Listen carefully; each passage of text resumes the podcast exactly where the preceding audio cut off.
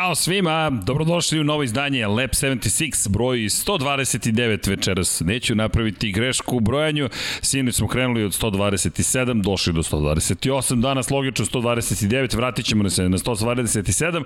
Izdanje je posvećeno naravno Moto Grand Prix, dvostruki vikend iz perspektive Formula 1 i Moto Grand Prix nam stiže, tako da večeras standardna posada. Je tu gospodin Dejan Potkonjak, pozdrav, poštovanje, Čas, kako ste dragi deki? Super. Danas, pa dobro, imaš crvene boje, makar nešto što će da asocira na prvu osobu koju moram da spomenem pre nego što krenemo sa klasičnim uvodom, na Pine eksplicitni zahtev Jorge Lorenzo. Za one da. koji ne znaju, Paja Živković. Juče. Pomešao. kaže, imam zahtev da prvo počne da pričate o Jorge Lorenzo sutra u Moto Grand Prix. Ok, Paja, ako ti tako kažeš. I onda kasnije se setio da je to ipak gospodin Maverick Vinjales, ali nema veze. Još bolje. Još bolje. Paja Živković, naš dragi prijatelj i kolega, pratite utorkom Lab 76 posvećen, posvećen Formuli 1. Inače, ko, komentator na sport klubu Formula 1 i Moto Grand Grand Prix prati isključivo kada je tu Valentino Rossi, pošto nije Rossi u formi, pa je nezainteresovan u potpunosti, a od ove godine kaže neću pratiti, ali polako uhvatit ćemo ga mi u našu priču bez brige.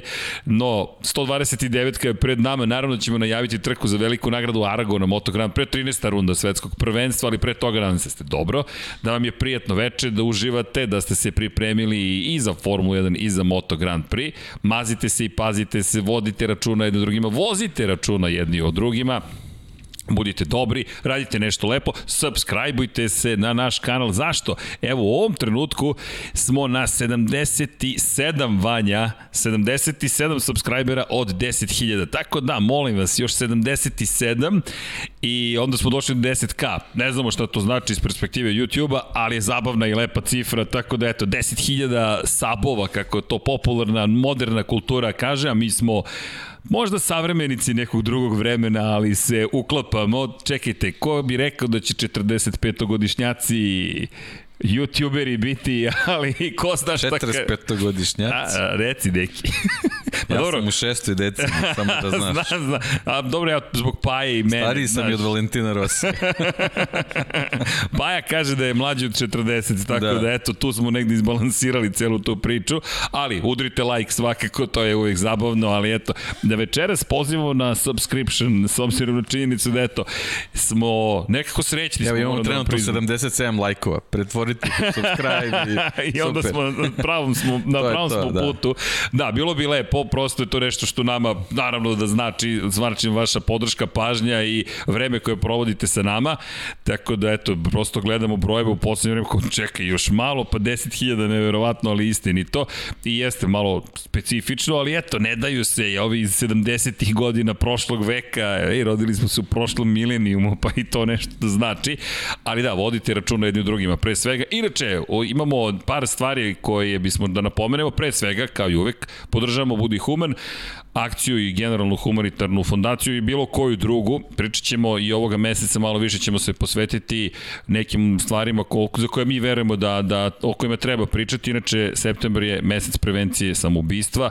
Dakle, svi prođemo kroz krize i teške momente u životu. To je jedno od inspirativnih stvari kada slušate sportiste, neverovatne sportiste koji su mega uspešni po društvenoj lestvici i društvenoj normi, koji kažu, koji pričaju o tome koliko im u nekim momentima bilo teško i pritisak javnosti i sobstveni pritisak, pritisak okruženja, najbližeg, porodice, voljenih i što ih je dovodilo do ivice neke, nema potrebe. Niste sami, to je glavna poruka, nikad niste sami sa Infinity Lighthouse, tu je neka ekipa koja voli da se zabavlja, koja je sebi napravila studio i tako tu. Vanja, Dom Pablo je tu negde, večeras nije fizički sa nama, ali duhom uvek prisutan. Tu je naravno Deki, tu sam ja, gospodin Đankić isto duhom negde prisutan, nadam se da će biti dobro ovoga vikenda, radio je DTM, tako da ga očekujemo, mora malo da se pazi ponovo, nešto nam je u poslednjih par godina zanemoćao, ali oporavit će se MotoGP, energija stiže ponovo, ali kažem, niste sami, tu smo, tako da eto, malo ćemo pričati o tom pričati. Pre svega ćemo pričati o Moto Grand Prix, o NFL-u, o kosmosu, o Formuli 1 i tako dalje, pa se nadamo kroz te lepe stvari nekako da ćemo pomoći kome god da se osjeća usamljeno. Ne, ne, niste, niste sami, to je poruka I još jedna bitna stvar, bit će tu još nekih priča o ljudima sa posebnim potrebama koje takođe treba videti, koji postoju u našem i tekako društvu i koje ne da ne zaboravljamo. Naprimjer, Red Bull je meni tu fenomenalan, ne samo Red Bull, svi, ali eh, Wings for Life, asocijacija koja se bori za, i traži izlečenje povrede kičmenog stuba i kičmene moždine i prosto pokušava da na noge ponovo stavi ljude koji, nažalost, su paraplegičari i kvadriplegičari da im pomogne da ponovo funkcionišu onako kako su funkcionisali možda neka nekada davno, ali sve su to ljudi inspirativne priče, paralimpijske igre su fantastične iz te perspektive i pozdrav svima koji god imaju bilo koji problem. Tako da eto, to su neke stvari koje mi volimo da poručimo iz studija pre nego što gledamo i naravno mazite se i pazite se i to je bitna nama poruka s obzirom da je ljubav najvažnija i najjača sila na svetu, a naravno mi volimo Moto Grand Prix. Da, volimo i ljude koji nas podržavaju te kako Vanja, udri, hoćemo malo da se pozabavimo i Patreonom i još nečim što ima veze sa Formulom 1, ali spremamo mi još neke iznenađenja pitanja, pa sad već standardno da ponovimo, 12 tajnih pokrovitelja, da krenemo od onih čije imena ne izgovaramo, 12 vas je, hvala vam, Sava, Toni Ruščić, Mario Vidović, Ivan Toškov, nije nam Ivan tu, ali negde se nadamo da će nas vratiti, Stefan Dulić, Marko Bogavac, Ozren Prpić, prvi čovjek koji nas je podržao na Patreonu, gospodin Ozren Prpić, Marko Mostarac, Nikola Grujičić, Aleksa Vučić, Zoltan Mezeji, Zoran Šalamun, Miloš Banduka, Laslo Boroš, Đorđe Radojević, Ivan Simunović,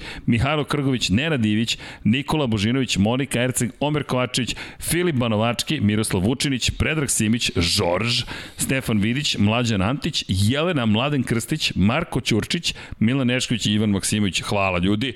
Eto, patreon.com kroz Infinity Lighthouse i imamo nešto zabavno, ne brojite da brinete. Krenulo je od ideje za Moto Grand Prix, ali nekako je prvo rešenje izašlo iz kuhinje Formule 1, brđe je to bio više nego raspoložen, hoćeš Vanja da pustiš onaj model što je rađen po, po mom telu, Hvala Vanja, pa vidi, insistiram, pazi sva. Zna o čemu se radi. Dobre priče, da, da, Vanja je zna, pa zato što idemo zajedno u teretanu. Ovo je Kimi specijal, leave me alone, I know what I'm doing, tako da ukoliko želite, infinitylighthouse.com kroz shop, možete da kupite posjećenu Kimiju, ali sami možete da pretpostavite da stiže jedna posebna majica uskoro u Infinity Lighthouse, a sledeće nedelje tek pratite Infinity Lighthouse, au šta smo vam sve spremili za narednu nedelju. No, do te naredne nedelje da krenemo od Maverika Vinjalesa. Šalim se, naravno, čak ni Maverick Vinjales i njegove epopeje i sve moguće priče o tome i činjenica da će biti na stazi ne mogu biti veći od vodećeg u šampionatu sveta u Moto Grand Prix Fabio Quartarara. Fabio Quartarara je izborio se i za svoj lead blok u Lepu 76, toliko je upečatljiv i brz ove godine da čak i mi moramo krenuti njega šalu na stranu, ali Fabio je jedan divan, fantastičan vozač i nekako su mu se tako sklapale priče ove sezone. Te Rossi odlazi u penziju, te Marquez se vraća na stazu, te Maverick Vinales ima ispade neke vrlo čudne, pa hoće, pa neće, pa Aprilia na pobjedničkom postolju, pa je stavno neka situacija koja skreće pažnju sa njega. Sada je u fokusu i centru pažnje, 13. trka ga čeka i deki ti si dao fenomenalni novinarski urednički naslov kome uopšte prija Aragon? Pa da krenem ja od pitanja, Deki, da li prija Aragon Fabio Quartararu? Pa, odgovor na to pitanje je on sam dao. On je rekao da je, da je ovo najgora staza u kalendaru za njega.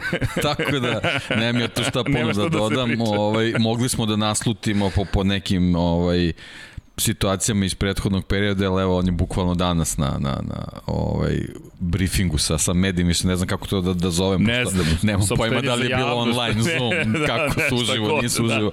Nebitno je, ovaj, priznao jednostavno da, da i on ima ovaj, a, a, a, zadršku kada priča o prognozama vezano, vezano za Aragon, a što se mene tiče ovaj, u odnosu na, na, na, na njegovo izdanje, samo je bitno da, da je pregura, da, da dođe do neke količine bodova, a sve što bude, o, što ih bude više, to će za njega biti bolje. Mislim, već smo pričali prošla, prošla trka je stvarno bila izuzetna, njegovo jedno onako fantastično šampionsko izdanje, gotovo je završio posao. Mislim, nikad, naravno, nikad ne možemo sa 100% sa sigurnošću to, to da, da tvrdimo, ali jednostavno razlika u šampionatu, način kako vozi, u kakvoj formi, navodi na to Aragon je staza koja ne možemo da kažemo da ne odgovara Yamahi, ali ona više njemu ne odgovara nego, nego Yamahi on, on na njoj nikad nije bio uh, posebno ovaj uh, konkurentan u smislu da, da ima neku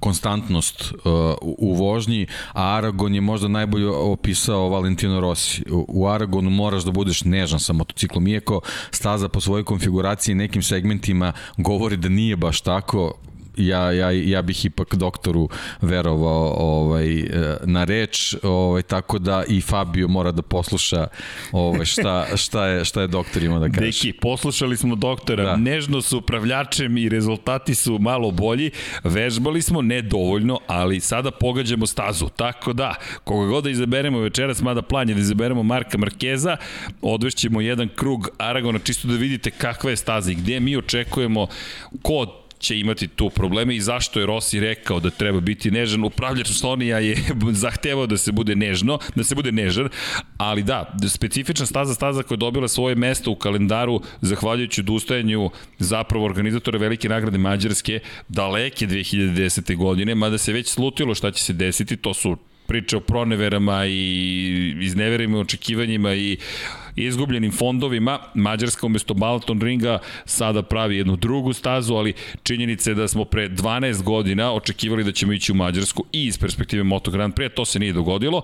Dogodilo se da je Aragon postao četvrta staza na Iberijskom poluostrvu, sada ih imamo pet već koje su u potrebi, s obzirom na činjenicu da se Portugalija vratila, tako da odemo mi tako na Iberijsko poluostrvo, četiri trke u Španiji, jedno od njih je Aragon, preostale tri su Jerez, Andaluzija kao region, zatim Barcelona, Katalonija i naravno Valencija, opet glavni grad regiona koji se zove Valencija i naravno Portimao koji će dva puta biti domaćin, tako da imamo šest trka zapravo na Iberijskom poluostrvu ove sezone, a na početku zapravo ne, ne Aragon, oprostite, već Algarve, to je Portimao, koji je bio jedan od prvih trka i bit će jedan od poslednjih trka ove sezone. U svakom slučaju, Aragon je mesto koje je specifično, to je staza koja predominantno ima krivine u levo, to su očekivanja svakako usmjerena ka Marku Markezu, o tome ćemo pričati. Međutim, ono što si lepo rekao, izazovna staza, sam je rekao da će biti problema. Prošle godine Alex Rins je jedan od pobednika na ovom mestu,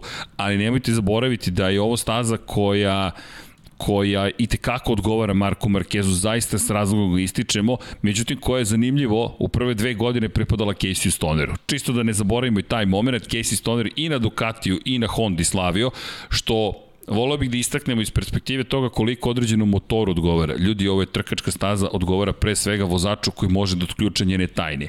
I mislim da je doktor super to opisao, Valentino Rossi finese Finese ovde donose rešenje do toga da budeš najbrži. Inače, pobednika je bilo raznih, između ostalog Mark Marquez naravno, Jorge Lorenzo, jedini ko je slavio na Yamahi, kad je već Paja zahtevao da spomenemo Jorge Lorenza, možda je negde salutio, a s obzirom na činjenicu da ima stil vožnje Jorge Lorenza, ne bih otpisao Fabio Quartarara, ali mislim da si savršeno rekao, ako ovu stazu, ako ovu stazu otključa Fabio Quartarara, ne, samo, to je već krunisanje. Već smo na nivou krunisanja, on već drži ruku na kruni, ali mislim da je spušta na glavu ukoliko pobedi u Aragon. To je zaista početak kraja. To je jednostavno sada onda je period ceremonijal, ceremonijalni kada čekamo kada će imati dovoljno poena više od svih ostalih da kažemo e sada je zvaničan šampion sveta. To je neki moj utisak da ima, ima šansu.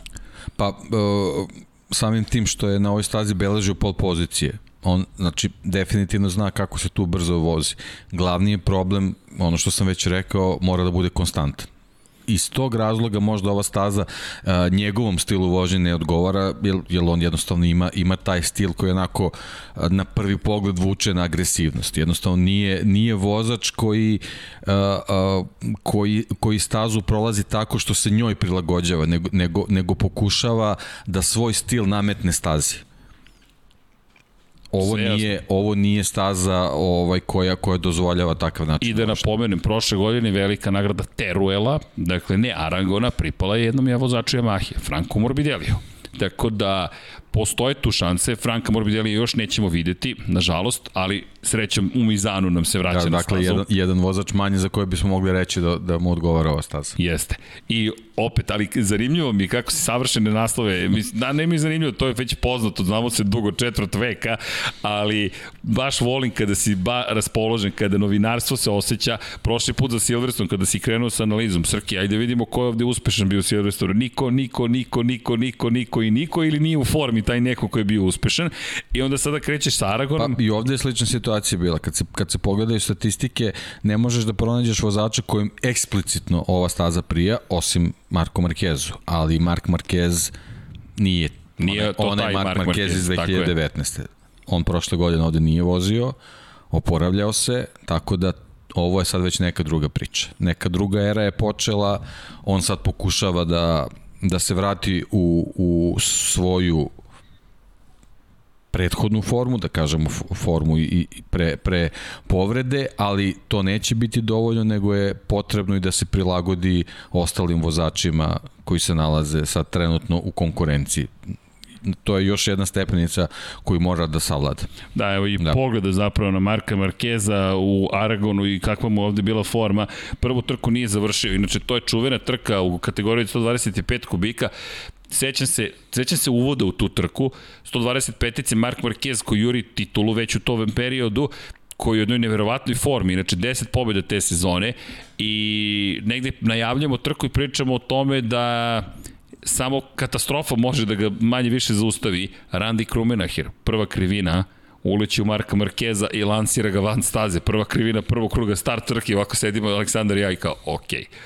ok, to je ona jedna od onih komentatorskih kletvi gotovo, ali zatim pobjeda u Moto2 klasi, pa drugi u Moto2 klasi, pa pobjeda u prvoj trci ikada koju je vozio u Moto Grand Prix kategoriji, čisto podsjetnika radi šampionska naravno sezona, zatim bio 15. u Moto Grand Prix 2000 14. to je 13. oprostite, pa nije završio trku 2015. godine i onda pobjeda, pobjeda, pobjeda, pobjeda.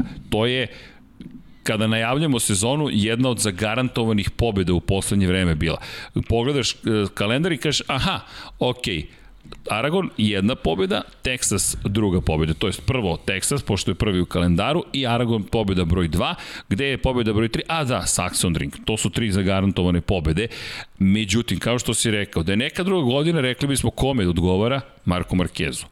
Danas, vrlo, vrlo teško kada je reč o njegovoj najavi, mora da bude nekako broj 2 i kada smo, kada smo se spremali uopšte i u uvodnoj špici, Marquez mora da bude tu. Vinjales mora da bude tu i naravno Fabio Quartararo. Ali posle Fabio Quartarara, iako je Joan Mir trenutno drugi u šampionatu, Jean Zarko treći, Francesco Banjaja četvrti, Jack Miller peti, Deki, da li vidiš ikoga od njih kako u Aragonu postiže to što se što što moraju da postignu protiv Fabio Quartarara? Pa ono poslovično možemo da kažemo da očekujemo od vozača Ducatija Da. Nešto više na ovoj stazi, ali njihova trenutna forma, to jest forma koja ima dosta uspona i padova, tako da ne možemo da, da, da se vezujemo za trenutak da kažemo da sad su formi ili nisu formi. Ne, jednostavno to je to je neka promenljiva tokom čitave godine i zbog toga dok, dok ne vidimo ne, neke prve rezultate, neke prve krugove, ne, nećemo moći da znamo da li, da li je Ducati, to jest da li su Ducati vozači došli u Aragon o, o, da o, mislim ne možemo tako da kažemo. Došli su oni sa, doći će oni sa ambicijama ali da li će ti rezultati koji će nekim prvim trenzima nešto da pokažu da im daju za pravo da kažu da mi smo ovde favoriti. To je to je u stvari problem za Ducati je najveći ove sezone. fascinantno izvini o Ducatiju se stalno priča kao jednom od favorizovanih motocikla na novom mestu ako pogledate danas je izbacio Moto Grand Prix baš lepo analizu same staze i ako pogledamo konfiguraciju same piste vidjet ćete i zašto toliko pričamo što o Marku Markezu, što o Ducatiju. Zapravo, ajmo da iskoristimo priliku, Vanja, tamo da iskoristimo Brembo, pa da bacimo pogled i posle toga, mada možemo da, da freeze frame uradimo i tokom same, samog Brembovog, pa da kažemo, isečka, da vidite zapravo Ili o čemu da, pričamo. Da, da ga gledamo ceo, pa ćemo može se vratiti. Tako, pa da može, se može i tako, da. Da vidite zapravo gdje je najsnažnija tačka kočenja. Ponovo hvala Brembu za ovu dozvolu. Ja moram da gledam u levo, pošto mi je tamo prosto kadar, ali kao što možete vidjeti, Motorland Aragon, Alkanjiz je najbliži grad, područje Aragon i jedna vrlo zahtevna pisma. 5077 metara dugačka, vrlo zahtevna prema kočenom sistemu. Gde je najsnažnija tačka kočenja na kraju zadnjeg pravca? Ovo je pravac duži od kilometra, krivina broj zapravo 16, imamo 18 krivine na ovoj stazi. I obratite pažnju, prilaz traje i ovo je kao Monci juče što smo pričali. Zaustavni put je 96 metara, 6,4 kilopaskala je opterećenje, negativno ubrzanje 1,5 sile zemljine teže sa 339 na 138 km na čas. Za 200 km na čas vi umanjujete brzinu i potom izlazite na startno ciljni pravac temperatura 820 stepeni Celzijusa, opterećenje kao što smo rekli 6,4 kPa i sila kočenja 13,8 bara, 4,5 sekunde traje ovo kočenje. Vidjet ćete i kasnije kada budemo vozili krug, malo smo bolji, Vanja će se zaustaviti na onom momentu kada ćete vidjeti zapravo celu konfiguraciju staze. I to je ovaj idealan trenutak. Hvala Vanja. Dakle, kada pogledate krivine 1, 2, 3, 4, 5, 6, 7, 8, to su krivine u prvom delu staze do 9. 9. je takozvani suprotni vadičep ili invertni vadičep. Podseća na Lagunu Seku i čuvenu krivinu vadičep gde vi se spuštate manje više nekih šest spratova nizbrdo, ali ovde idete u suprotnom smeru. Dakle, ovde skrećete desno pa levo, tamo skrećete levo pa desno i spuštate se sa tvrđave kroz krivinu 10 i 11 koje dugo traju. Šta je sada, zašto, zašto bitno napomenuti zapravo šta nas očekuje Aragonu? Pod jedan, te krivine u kojima idete u niskim brzinama i niskim stepenima prenosa. Tu je snaga Ducatija, to obično dolazi do izražaja. Snažno kočenje, takozvane stani kreni krivine, Gde? Krivina broj 1, vidjet ćete kasnije kada budemo vozili. Tu je maksimalno kočenje gotovo. Ti snažno kočiš, ulaziš u prvu krivinu, onda kratko dodavanje gasa, da je mnogo važno da imaš to ubrzanje u niskim stepenima prenosa.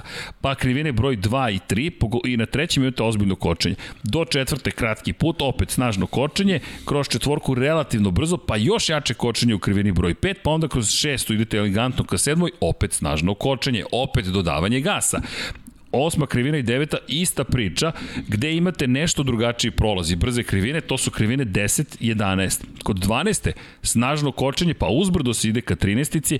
To je još i relativno brza krivina. 14. je međutim potpuno drugačije odnosu na 13. krivinu, još jedno snažno kočenje. Kratko dodavanje gasa, pa opet snažno kočenje, izlazak iz krivine broj 15 na pravac od 1 km, opet niski stepeni prenosa, mnogo je važno to inicijalno ubrzanje i onda taj dugački put do krivine broj 16, nekad se to zvala jedna krivina, sad 16-17 i izlazak na startno ciljni pravac. Ako izborimo, dakle ako pogledamo same krivine, Hvala Vanje za, ovu, za ovaj pogled na konfiguraciju, mada može i da ostane ovaj kadar. Dakle, kada govorimo o samoj stazi iz perspektive, iz perspektive dodatnih informacija, činjenica da imamo pravac od jednog kilometra bi trebalo opet da pomogne Ducatiju. Međutim, šta kaže istorija? Od 2010. do danas, već smo rekli, jedan jedini pobednik na Ducatiju, Casey Stoner. I mi sada kada najavljujemo Aragon, o čemu mi zapravo deki sad pričamo u, u svemu ovome? Ducati je favorit. Kako je Ducati uopšte došao do toga da bude favorit? Ovo vam je negde odgovor. Ovo ovde informacija mi je odgovor. Pored toga, 10 krivina u levo, za Markeza veoma važno, 7 krivina u desno, pravac od kilometra, 968 metara da budem precizan, I Ducati, da, po svemu sudeći rekao bi, to je to. Francesco Banja inače zabeleže na Ducatiju najveću maksimalnu brzinu ovde, 351,8 km na čas. Deki, mi idemo opet preko 350 km na čas. Zavetrina pomaže, ali Ducati ovdje prednost. Međutim, obrnio kreni Honda u ovoj kategoriji 7 pobjeda, Jedna pobjeda za Suzuki, jedna za Ducati, dve za Yamahu. Mi govorimo opet o stazi koja ne možemo baš reći da odgovara bilo kome osim Hondi, a tu je Marquez i niko više trenutno. Možda da, Pole Spargaro. Snaga, snaga i upravljivost.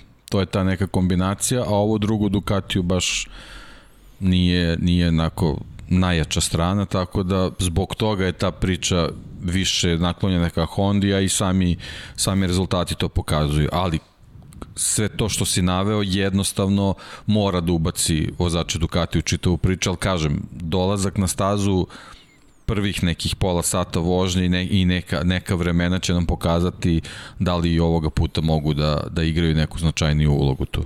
Da, I ono što je bitno iz perspektive ostalih krivina, nema, imate nekoliko veoma značajnih krivina koji su potpuno otvorene i brze.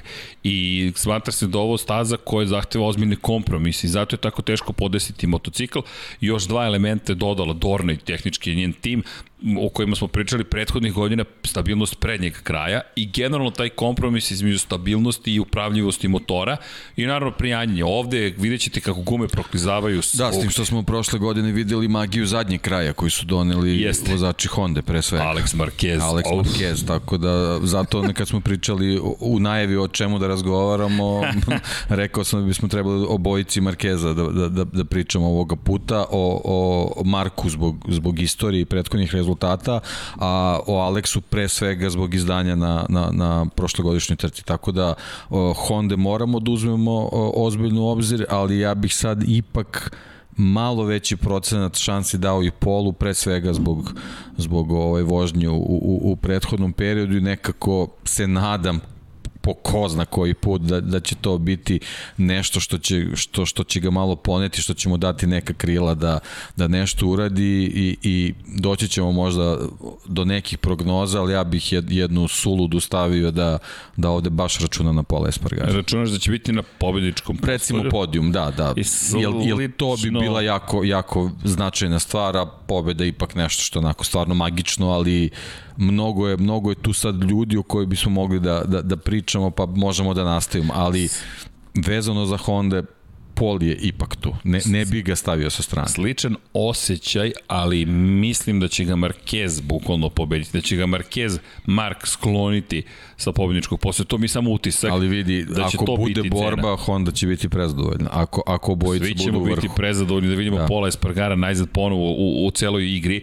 Iako će nekako pažnju odvući naravno Maverick Vinales koji će nastupiti prvi put na aprili, mada ono što je tvoja negde pretpostavka jeste da je zapravo sve ovo za Vinjalesa, ne zaboravite ljudi, on je potpisao za Apriliju pre, ne znam, par nedelja, šest nedelja, možda maks, ma nije ni toliko. Pitanje je kada je taj ugovor potpisan, ali znali smo da će otići iz Yamaha u jednom momentu nismo baš očekivali da će dobiti otkaz, da će pokušati da uništi motocikl, da će dobiti priliku odmah da testira Apriliju i da će odmah sesti već za praktično narednu trku da, da vozi.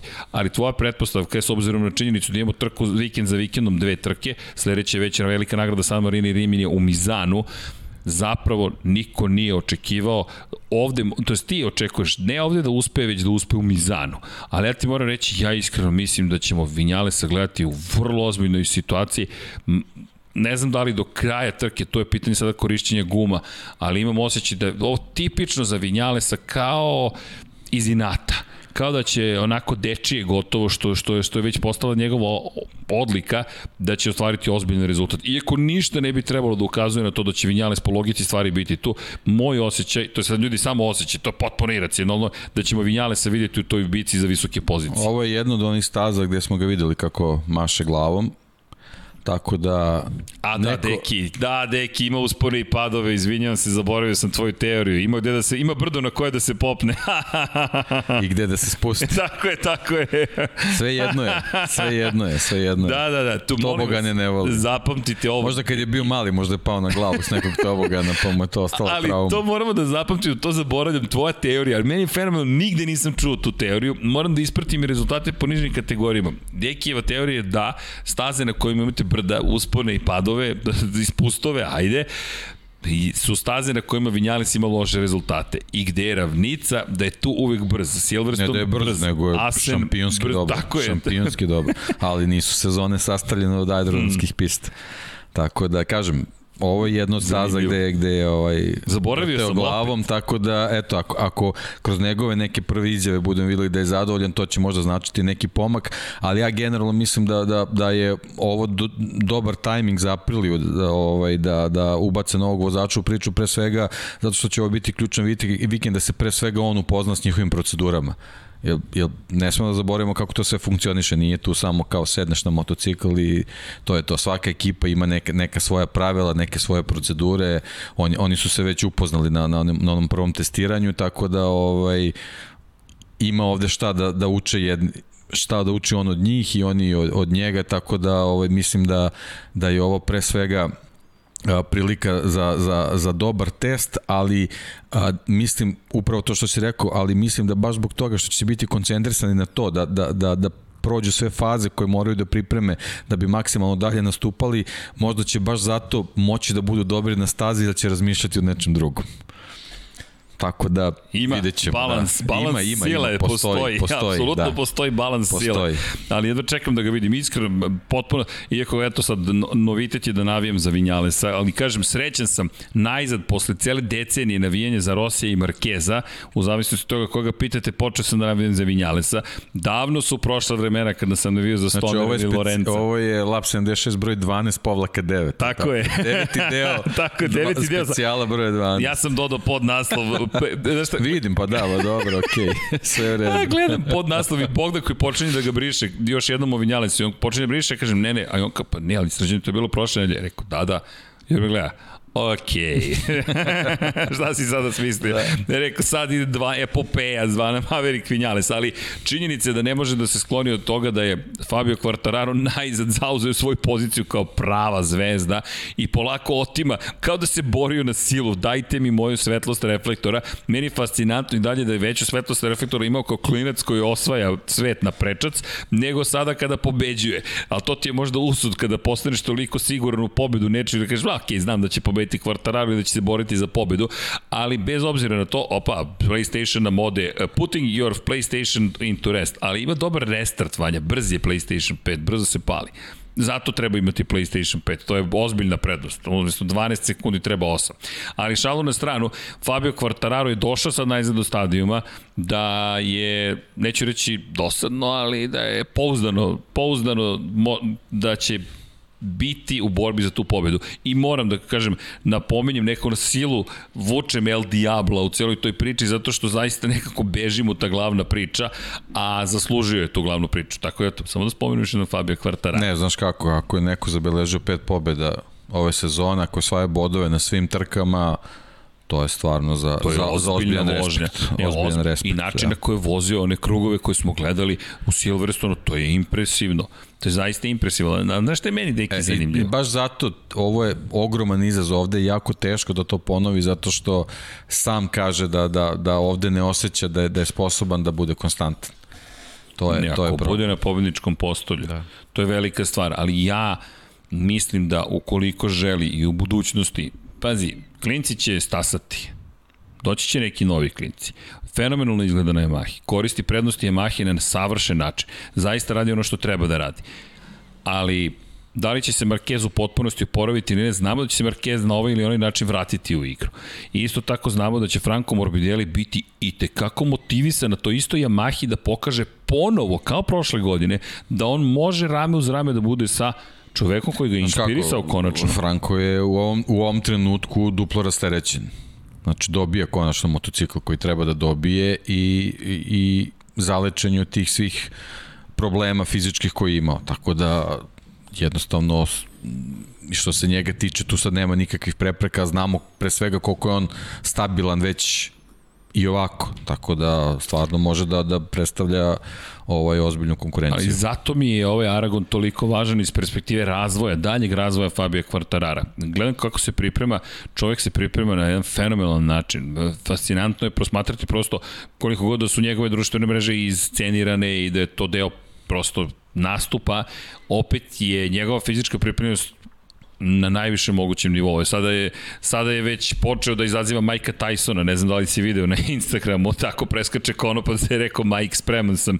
Nisi spreman za Majka Tysona da. nikada. A dobro, ali... generalno mislim da, da, da, da mu nedostaje malo veća, veća popularnost i to, to se osjeća, jednostavno mora... Kao da je stao. Pa da, sa svojim rezultatima je to zaslužio, ali nekako nekako to, to ovaj, ne ide možda tokom kako bi trebalo da ide i sad dobro, možda pos, verovatno postoji neki tim koji sad pokušava da, da, da opipa puls i da vidi na koje načine to trebaju da urede. Dobro, to je ono čuveno, neopipljivo i niti možeš baš tako lako da dođeš do situacije da kažeš znam kako da budem popular. Prosto ima ljudi koji su harizmatični. Nekako kao, kao da je bio veća zvezda dok je vozio za Petronas. Bukvalno, kažem ti, sada delo je nevidljivo u odnosu na taj period. Ali iskreno mislim da u toj celoj priči nedostaju što Valentino Rossi, što Mark Marquez. Da i njemu omoguće da bude još veća scena. Nekako nedostatak rivala koji je konstantno uz njega još nekog poznatog rivala, kao da negativno utiče na celu priču i, i, i u kada ili ukoliko se pojavi rival tog kova, mislim da će to pomoći Fabio Quartararo. Ali do tada, zato da se vratim na ovo, mislim da je važan Aragon. Ukoliko ovu stazu savlada iz tehničke perspektive, onda u narednim godinama i ako se vrati Marquez u formu, pošto je Marquez odlazi Valentino Rossi, prosto odlazi u penziju, jedini preostali veliki šampion. Veliki, kažem, svi su šampioni, veliki vozači, ali govorimo o čovjeku koji osvoje osam titula šampiona sveta. Joan Mir u svo dužno poštovanje ima dve titule, ali ima samo jednu pobedu u Moto Grand Prix. Ne, ne možemo porediti, prosto još uvek Joan Mir nije došao na taj nivo. Uh, Joan Mir pre svega mora da, da dokaže da titula nije došla samo zato što je najbolje znao da iskoristi situaciju, nego da je došla zato što Jeste to zaslužuje svojim, svojim vožnjama. To, to ono ne, što kažem, ne kažem da to prošle godine nisu bile vože, nego jednostavno Ne vozio je, vozio je glavu. Tako je, i mi ne znamo šta zapravo Mir može u svim ovim situacijama. Suzuki dosta je tehnički i tehnološki zaostajao, ali ovo je takođe test za Suzuki prošle godine, pobjeda i drugo mesto Tako za je. Aleksa Rinsa. Tako je. To su ozbiljni veliki rezultati. S druge strane, Mir je imao dva treća mesta i o tome, o tome mora da se priča.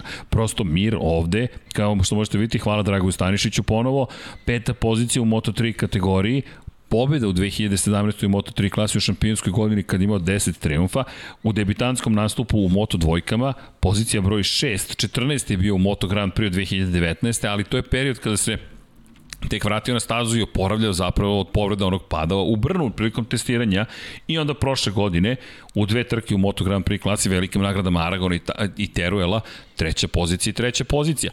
Dakle, mi govorimo o tome da smo dva puta imali dva Suzuki na pobedničkom postolju. Ne mogu da ne budu na spisku ljudi od kojih očekujemo ozbiljne rezultate. Kako jedan, tako i drugi.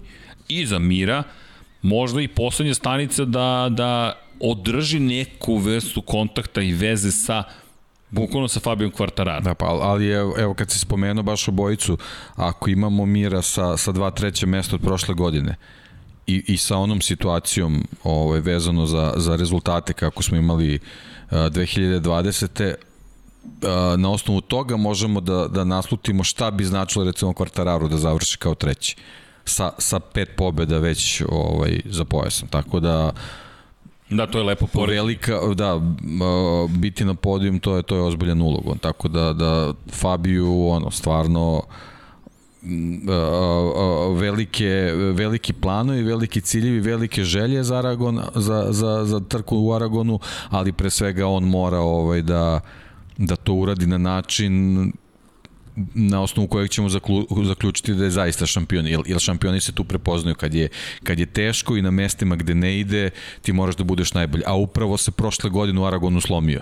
I, On je i povredio i tu je počeo iz borbe za titul, mi to u tom trenutku nismo znali vezano za, za bodove, ali kasnije se tokom sezone ispostavilo, to jest u, to, u tom završetku, u tih nekoliko trka koliko smo imali, da on praktično padom u Aragonu završio svoju šampionsku borbu. Pazi, on je pobedio u Kataloniji, pobedu u Kataloniji, devet je bio na, na, na Lemanu, ali i, i oni mir su se po kiši mučili. Tako i to, i to je bilo učenje. Jeste, i to, I to im je, je bila prva učenje. trka po da. kiši, tako da Kvartararo je tada odneo veliku pobedu, sećam se tog njihovog duela, to je bila bitka za devetu poziciju, gde, gde je vodio jednom momentu mir i onda Kvartararo se vraća po kiši bitka za deseto mesto, za deveto mesto i bukvalno duel vodećih u šampionatu sveta u tom momentu i dolazimo u Aragon i bez bodova u prvoj trci, ona katastrofa gde smo svi bili zbunjeni, šta se dogodilo, onda priča o gumama, gde je izabrao tvrdu gumu koju nije vozio ni jednom do trke, i onda seo na tvrdu gumu i onda to je neodlučnost. Neodlučnost, tako je, da. i povreda, to je ono što si ti potencirao i osma to je u tom trenutku tako teror. izgledalo jednostavno, on je po, apsolutno ispo iz ritma, to padom s motocikla ispo iz ritma u tom trenutku, taj kuk šta li je već povredio, tako da tu, tu, tu, je, tu je završio borbu za titulu i onda odlazak u Valenciju, 14. pozicija, ne završava drugu trku, Mir već osvaja titulu i 14. u Portugaliji na kraju sezone.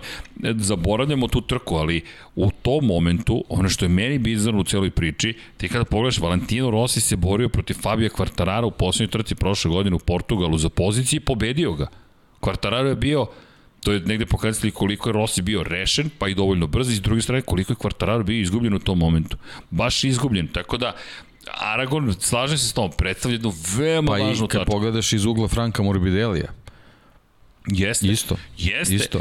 Aragon je početak veličanstvene završnice. Nije osvojio poene u Francuskoj, zatim šesta pozicija u Aragonu, ali opet nešto čini i onda pobeda, 11. mesto, pobeda, treće mesto. Tako je završio sezonu i na kraju završio na poziciji broj 2 i bio vice šampion. Je. Tako da Aragon je jako, jako važna tačka i, i uh, u ovoj situaciji gde isto klimavo koliko trka, šta kako, ovaj, jako je važno ovaj, završiti Aragon sa, sa ne mogu da sad, sad da kažem mestom, ali da završiš Aragon sa pozicijom koja tebe kao vozača zadovoljava je mnogo važna stvar. I, I ne možemo tek tako da ga gledamo kao neku običnu stazu, definitivno. Savršen naslov si dao, bukvalno savršen naslov. Dva su, po dva Suzuki na pobjedničkom postolju, jednom Honda, jednom Yamaha. Honda Aleksa Markeza, to je Alex Marquez na Hondi drugi u prvoj trci i Franco Morbidelli pobjeda u toj drugoj trci. Tako da je vrlo teško reći, ok, Ducati ovde dolaze kao favoriti. Da, favorizovanje motocikla iz perspektive karakteristika staze, ali prošla ali godina... prošla godina poslednja krivina ili poslednje dve, kako god. Kako god, da. Tu smo videli da nisu imali nikakve šanse, ni protiv Suzuki, ni protiv Honda. Kako ih je preticao Alex Marquez, ono je bilo zastrašujuće. Ja i dalje mislim da to je jedno od najlepših kretanja motocikla kroz krivinu koje sam ikada da, vidio. Ono, kad, kad, kad poželiš da vidiš onaj usporedni snimak koji nas da. toliko puta nervirao, to je baš bio trenutak, dajte da vidim kako to izgleda. Jest. I, da, da. I tad je došla sa zadnjim novom viljuškom Honda Tako je. i preokret potpuni, odjedno se dešava, Alex Marquez koji je bio drugi u Lemanu, po kiši, po suvom u prvoj trci u Aragonu na poziciji broj 2. Izletao se staze na sledećoj trci, Takaki Nakagami međutim osvojio pol poziciju, nemoj zaboraviti takođe na Hondi, tako da odgovara Hondi, ali nikom ne odgovara. Opet se vraćamo na naslov. I kao Silverstone odgovara, ali baš i ne. I vrlo čudan taj pe, smo u čudnom smo periodu u suštini kada pogledaš šampiona sveta. Naravno, to su negdje i posledice 2020. ali preslikavaju se stvari. Ti možeš da naslutiš već da nas čeka i naravno cijelu priču sada moramo bez obzira što sam nepravedno gotovo uveo prvo Vinjale sa naprili, Aleš Espargaro je prvi plasman na pobedničko postolje u karijeri Moto Grand Prix vozača ostvario u Aragonu na Forward Yamahi ni manje ni više na CRT motociklu. Evo nas 10 godina kasnije na istom mestu. Trku posle podijum istorijskog za Apriliju i pehara koji će otići negde visoko u vitrine Aprilije i onale ostaje, odlozi istoriju veće. Toliko mi je drago zbog Aleša Espargara. Ne mogu ti opisati. Čovek je postigao istoriju za koju, koju je toliko želeo, koju je toliko težio i to je adakta, to je zauvek. Niko ne može, ne može sad Vinjalec da dođe da ti uzme pobedničko postolje prvo. To, to je ono što se desilo u polu, to smo pričali u KTM-u sa pobedom Breda Bindera toga nema u Apriliji. Ko je prvi stavio na pobjedničkom postolju? Ja sam stavio prvi na pobjedničkom, a ti Maveriče sada, šta god da učiniš, ja sam već svoje postigao. I to nije lično prema Maveriku, već prosto nekako istorijski, emotivno, kosmički prema celo, celoj priči u kojoj si učestvovao s puno vere, puno truda, znoja i rada i dobio se adekvatnu nagradu ko zna, možda može i ponovo. Ono što sada mene fascinira, prvi put u karijeri Aleše Spargaro nije tada u Aragonu, kada je bio na političkom postoju, to je bio splet okolnosti. I toga smo svi bili svesni. Zasluženo, zasluženo bio na pobedničkom postoju, ali opet je to splet okolnosti. Ovo nije splet okolnosti, ovo je trkanje. Trkanje je bilo, da. I mi smo u jutarnjem treningu već videli tempo Aprilije da je na tom nivou i samo da li psihološki može. E, taj jutarnji može. trening će ovoga puta za Ducati biti jako bitan. To ćemo, da, upravo to, da, to, to ćemo e, da pratimo. Upravo to, upravo to. To ćemo i tekako da pratimo. Francesco Banjaja, Pa sad, šta da očekujemo? Ne znamo. Iskreno ne znam. Joan Zarko, ne znam šta da očekujem. Zarko u poslednje dve trke, evo da krenemo od Peka Banjaje, u Aragonu, 17. u Moto3 klasi, 24. u Moto3 klasi, 11. u Moto3 klasi, 16. u Moto3 klasi, 10. u Moto2 kategoriji, drugi u šampionskoj sezoni Moto2 klase, pa 16. 2019. u Moto Grand Prix i prošle godine nije završio ni jednu trku na ovoj stazi. A rekao bih da odgovor da li mu prije Aragon ne. Ovaj, ovaj grafikon je klasičan Peko Banjaje, usponi i padovi. A da li baš lepo si rekao, ovo je opis. Znaš šta bismo mogli da uradimo? Kroz grafikon da pogađamo koji je vozač u pitanju. Da. Bukvalno. A ovo opisuje, nažalost, Peka Banjaju. I to je to. Jednom bljesne i onda idemo nazad. Trenutno Banja je četvrti u šampionatu, 70 poena je sada iza znači, on je jednostavno pokazao da je vozač koji ume da pokvari planove drugima, ali jednostavno uh, ne ume da sprovede svoj plan u delo. To je, Deki, to je problem. Ako kažemo za Aragon prošle godine da je bilo ispadanje Fabija Kvartarara, Muđelo ove godine je potpuno ispadanje iz ritma Fran Francesca Banjaje. Početak sezone, četvrt, treći, oprostite, šesti, drugi, drugi, četvrti, Italija vodim, izlećem sa staze. Nastavak sezone, sedmi, peti, šesti, jedanesti, drugi, četrnesti. Kraj, nema više ritma. Ovo podsjeća bukvalno na to još jedna sezona mora da se kali čelik još kilometraže neophodno i da se nadamo da može da napravi taj psihološki skok koji je napravio Fabio Quartararo, ali Fabio je dolaskom u fabričku ekipu napravio taj skok. Francesco je stigao ove godine u fabričku ekipu i djelovalo je da napravi skok, ali zapravo nije. Pa, ovi rezultati, kad bi se pogledali prošlogodišnji, ne bi tu bilo mnogo, mnogo nekih ustupanja. S tim što dobra, je prošla godina bila i povreda, pa sad to ne može na taj način da se gleda, ali ovo je, ovo je sezona gde, u koju si ušao potpuno spreman, motivisan u fabričkoj ekipi i jednostavno nema, nema isporuke čak ni na stazama gde bi to trebalo da bude mnogo lakše. To je problem.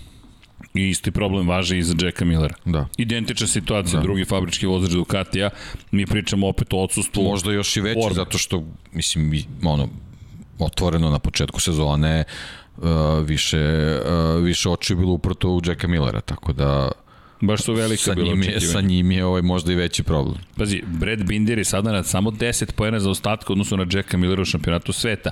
Brad Binder nekako polako ali sigurno pozicija broj 6, 108 poena. 10 poena samo iza, iza Jacka Millera. To je ništa. To je bukvalno, mi u Mizanu već možemo da imamo Breda Bindera ispred Jacka Millera. KTM vozač u šampionatu da, sveta. KTM vozač koji u do sada voženim trkama možda je na 30% uvrš, uvrštenu kao kandidata za više plasman, dok je Ducati malte ne, možda, možda smo ih jednu trku samo precrtali. Tako da ne, nema tu mnogo, mnogo ni opravdanja, ni, ni nekih obrazloženja, nego jednostavno oni moraju uh, te Ducati da koristi na stazama gde, gde to nije planirano, a kamoli na, na stazama gde, gde su favoriti.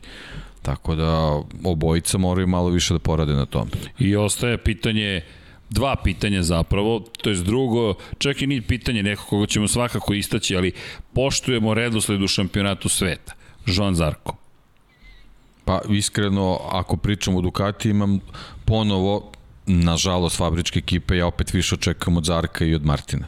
Da, to mi je sledeći čovek od koga pa da. očekujem e, sad, mnogo sad, zapravo. da li, da li Zarko može da se vrati u neku, ne znam kako bi to rekao, da se vrati u formu sa početka sezone, to je sad diskutabilno, ovaj, to verovatno zavisi od mnogo faktora i, i ne utiče on, on na sve, ali, ali ovaj, definitivno imao, imao priliku za, za mnogo više ove sezone. Pa e ono sad, što... Da li je Aragon staza gde se čupa, što je sad malo teže, evo, evo imamo i grafikon. Pa, ako pričamo o Banjaji, da. Joan Zarko, 12. u 125 kubika, pa na poziciji broj 2 u istoj kategoriji, u moto dvojkama 6. 7. pozicija broj 5, zatim, jel dobro vidim Vanja? Ili sam oslepeo u celoj ovoj priči? Za Zarka, da li je treći ili peti? Pazi, monitor je sad treći, ipak je na pobjedičkom postolju. Dobro, šesti, pa osmi, pa deveti, pa četrnesti, pa deseti, pa peti. Čekaj, ovo je potpuni pad sa treće pozicije u Moto2 klasi ideš na šesto, osmo, deveto i onda u Moto Grand Prix 14. mesto, pa se penješ na deseto, pa se penješ, ok, progresija malo je pozitivna. Da, ali, ali malo je podijuma tu. Tako da, ali kažem, eto, ovaj, nekako mi ponovo deluje da, da će pramak da, da, da bude bolji ovaj, i ovde, na, na, nažalost, fabrička ekipa, mislim, jednostavno moraju da se probude.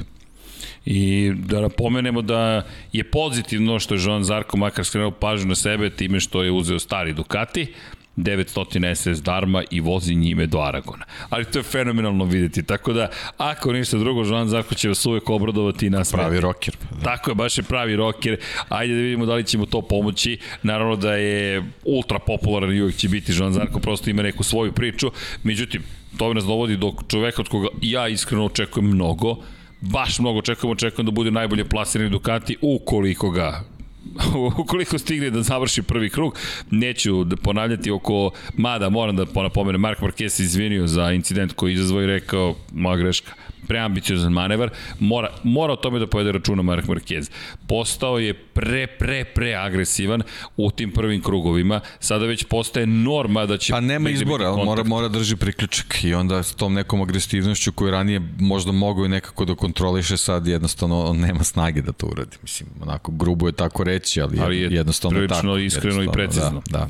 Ali to mora da povede računa jer sada već utiče previše na drugi vozače uticao je na, na Aleša Espargara, da. sada uticao na Jorgea Martina, a od Jorgea Martina mnogo... Nisam siguran da to više može da prolazi bez, bez, bez kazni. Bez kazni da. Sada već mislim da je na radaru svima. Već sada, mi, mi već sada razmišljamo o tome da li će Marquez izazvati neki incident u prvoj krivini prvog kruga. Ili ne možeš, neko ne možeš da voziš trku ko Dejan Igricu.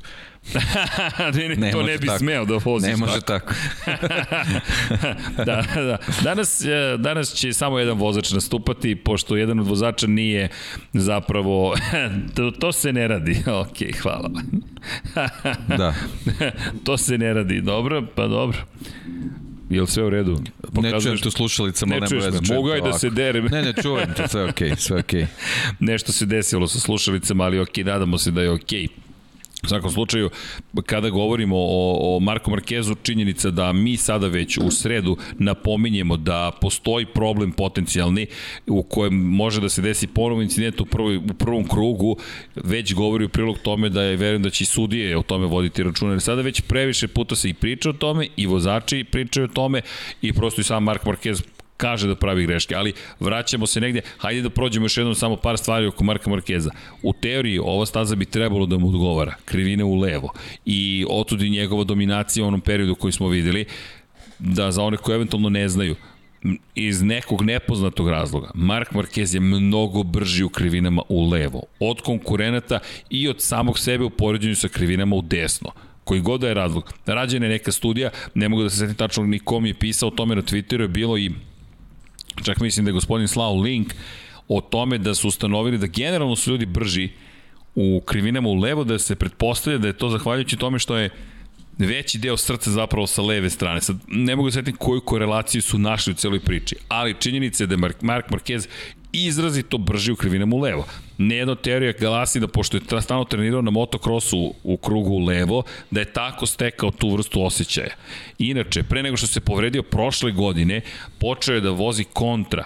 Vozi da vozi u kontra smeru, u desno, ne bi li doveo sebe do nivo, na nivo da je u krivinama u desno podjednako brzo, što bi tek bilo zastrašujuće. Ali, ima tu nekoliko problema. Krivina u levo, da, treba da mu pomognu. Međutim, Nije to tako jednostavno. Nije zaista jednostavno iz perspektive toga što ove krivine u desno, vidjet ćete kasnije kada budemo odvezli stazu, planski vozimo stazu, ne zamerite malo što malo nam treba vremena dok sad pohvatamo, dugo nismo bili na Soniju, svašta smo radili, ali kao što smo obećali, polako ulazimo u štos. I u Formula 1 i u Moto Grand Prix.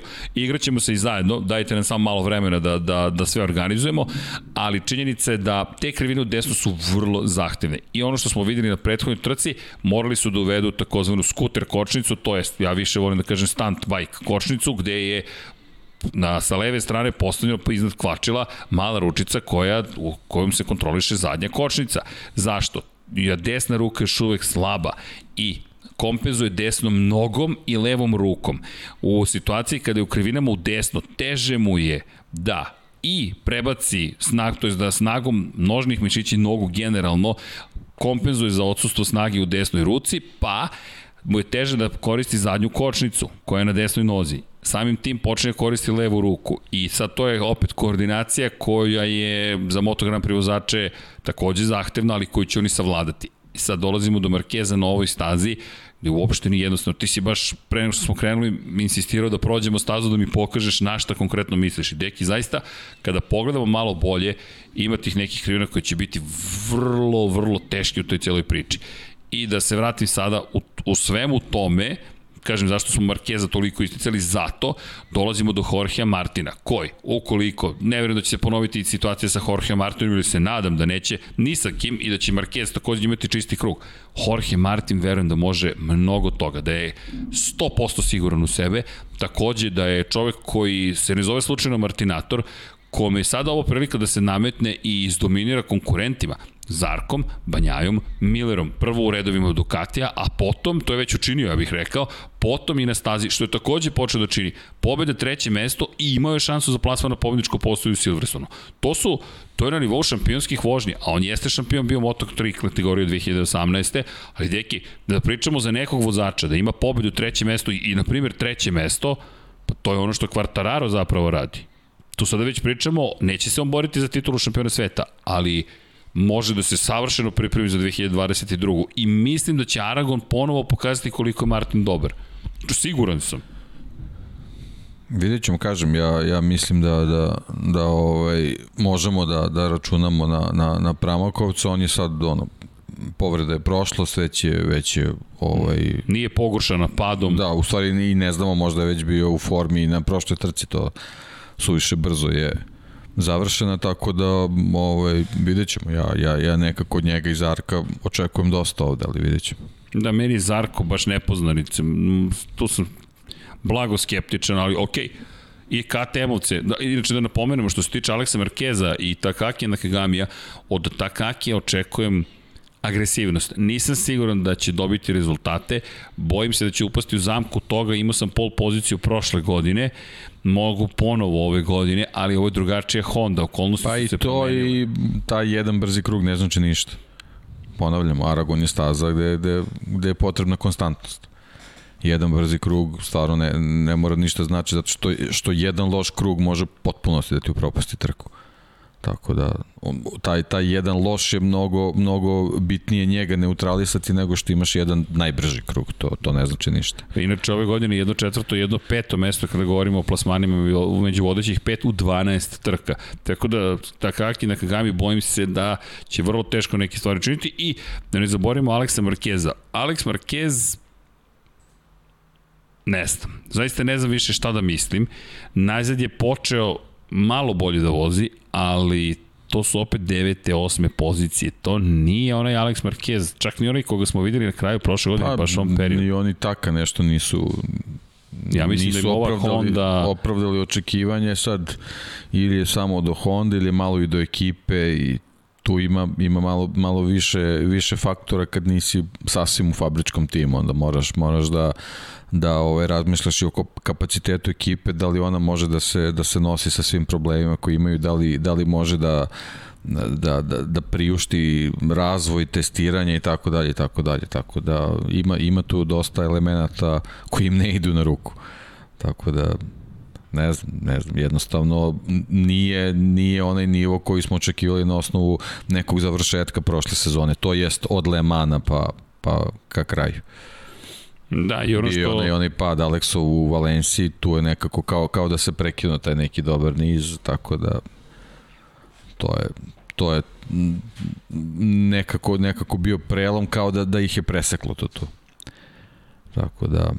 Ne, ne znam, ovo je zanimljiva je, zanimljiva je staza. Zanimljiva je staza, e, kao što si rekao, kome odgovara. Inače, Ducatijevci, ne zaboravimo, kažu da će ove godine biti drugačiji zato što je toplije, nego što kada je Božan u prošle godine i da će samim tim biti sve potpuno Da, ne, ne, treba, ne treba zanemariti taj detalj. Mislim, znamo i sami kad imaš disciplinu u vrhunskom autu i motosportu, svaka svaka sitnica znači, a ovaj, ako i oni potenciraju tu, tu temperaturnu razliku, verujem da, da to nije mala stvar, jer ne znamo, mislim, ne, više, više nije borba ni na desetinke, nego bukvalno se stotinke gledaju, ovaj, videli smo kakve, kakve se krugovi pre svega voze u kvalifikacijama, tako da nije, nije to ovaj, Pa evo baš zanemarljiv faktor. Gledam Aragon, koje su vremenski uslovi najavljeni sada prema poslednjem. Aragon, da vidimo. Šta kaže, petak, subota, nedelja, ha, nedelja čak postoji mogućnost kiše. Da, mislim, male mogućnost, ali postoji, da čim postoji, e, to, treba razmišljati o tome. Da, da, da. Ali mislim to da je nešto 20 posto, tako da nije to... Ovaj... da, kažu da su male šanse. Da, male su šanse, tako da ovaj, ne, ne moramo sad baš toliko da, da, da, da Dobro, da vodimo račun o tome, čisto... ali treba, treba misliti. Od 14 časova da, pa nadalje. da ne budu niske temperature jutarnje kao što su bile. Da, trka je od 14 časova da. glavna, do 12.20 za Moto dvojke, 11.00 za Moto trojke, standardni standardna satnica kada je reč o Moto Grand Prix-u. Moto, Formula 1, Moto Grand Prix, Formula 1 se ne poklapaju. Juče smo imali malo strah, ali to smo rešili, gledali smo malo pogrešne vremenske zone. Činjenica je to da ćemo, nadam se, uživati zaista u sjajnim trkama. U 7.41 inače sviće, zalazi sunce u 20.18. Zašto to napominjem? Očekujte u jutarnjim zagrevanjima da bude malo hladnije i tu možda neki... Prošle stvari... godine je bilo hladno. Bilo je, bilo je hladno. Da. I ujutro je pomalo varljivo. Pa je bilo pomeranje termina, čini Jeste. mi se, tako bilo? Jeste. Pa da. Jeste. Ove godine, međutim, trebalo da bude drugačije. Temperatura konkretno najviša temperatura koja se očekuje 22 stepena, najniža 13 stepeni. To je već vrlo prihvatljivo. Nismo na nivou 6, 7, 8, 9 stepeni. Sve ispod 10 je već problematično.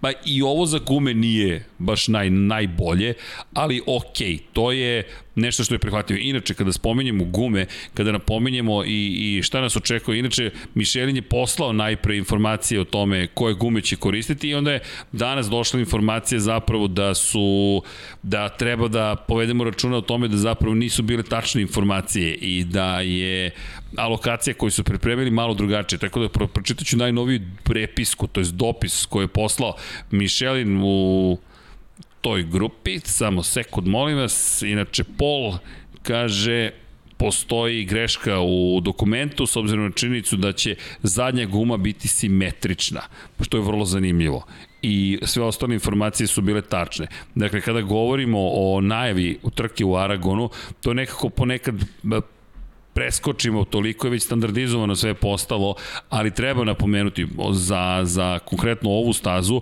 eto da ćemo imati priliku da vidimo zapravo i simetričnu zadnju gumu. To je to najnovija informacija koju smo dobili, pa Čisto da ne zaboravimo da napomenemo da mene to zaista zanima. Redko vidimo simetrične zadnje gume, ali eto to je izbor koji je napravio Michelin, pa eto da vidimo šta to konkretno znači kako će uticati na izbor pneumatika.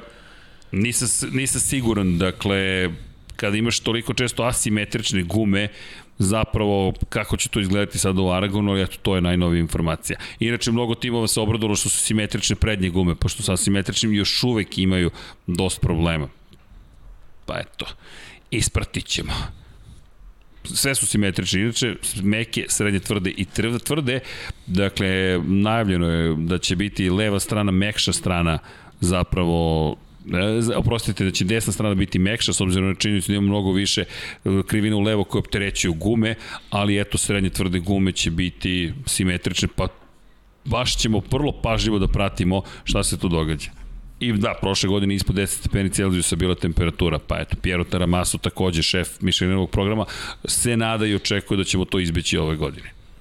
Da, to za malo da zaboravim, za malo da zaboravim Michelinove gume, a mnogo su važne, pogotovo i ta priča o Fabio Quartararu i ta tvrda guma koja je korišćena prošle godine, koliko je muka nanela zapravo i koliko to bio pogrešan izbor. Ok, idemo dalje, kada je reč o Moto Grand Prix kategoriji, Moto 2 je vrlo zanimljiv, tamo ima i, po, i loših vesti, nažalost, za one koji naviju za Raula Fernandeza, povreda, dakle, evo, malo skačem, ali moram to da napomenem, prosto najnovija informacija da je prosto na biciklu imao povredu, to je trenirajući na biciklu da je pao, povređena je metakarpalna kost, čuvena metakarpalna kost i eto, operisan je, tako da će voziti u Aragonu kandidat za titulu šampiona sveta u Moto2 klasi, ali već to je opet da, dodatni da, nije problem. mu baš trebalo. Tako da. je, u da. momentu kada mora da bude savršeno precizan, ali ok, sledeće godine stiže u Moto Grand Prix, pa stiže u Moto Grand Prix, međutim, samo još da se držimo, kad smo već ovde u Moto Grand Prix, KTM, nema apsolutno nikakvu predstavu što da očekujemo od KTM-a ponovo. Nemoguća misija, ja zaista ne znam kako bih najavio trku KTM-a, osim što će Brad Binder verovatno opet da bude loš u kvalifikacijama i pristojan u trci. da. Bukvalno to je jedino da. što, što, što je postalo pouzdano. Miguel Oliveira je nestao. On je najveća nepoznanica, da. Nestao čovjek. Jednostavno ono kao šta se desilo. Ne znam. Da. Da, pad je postojao, ali bez jednog poena u Velikoj Britaniji i to mučenje sa elektronikom, gde se on sada muči sa elektronikom i nema rešenja. Poslednje tri trke bez jednog jedinog poena i Olivira od jednom od nekoga ko teoretsku šansu ima za titulu da se bori, i perioda kada je bio drugi, pobedio drugi i bio peti, došli smo do toga da smo ga zaboravili.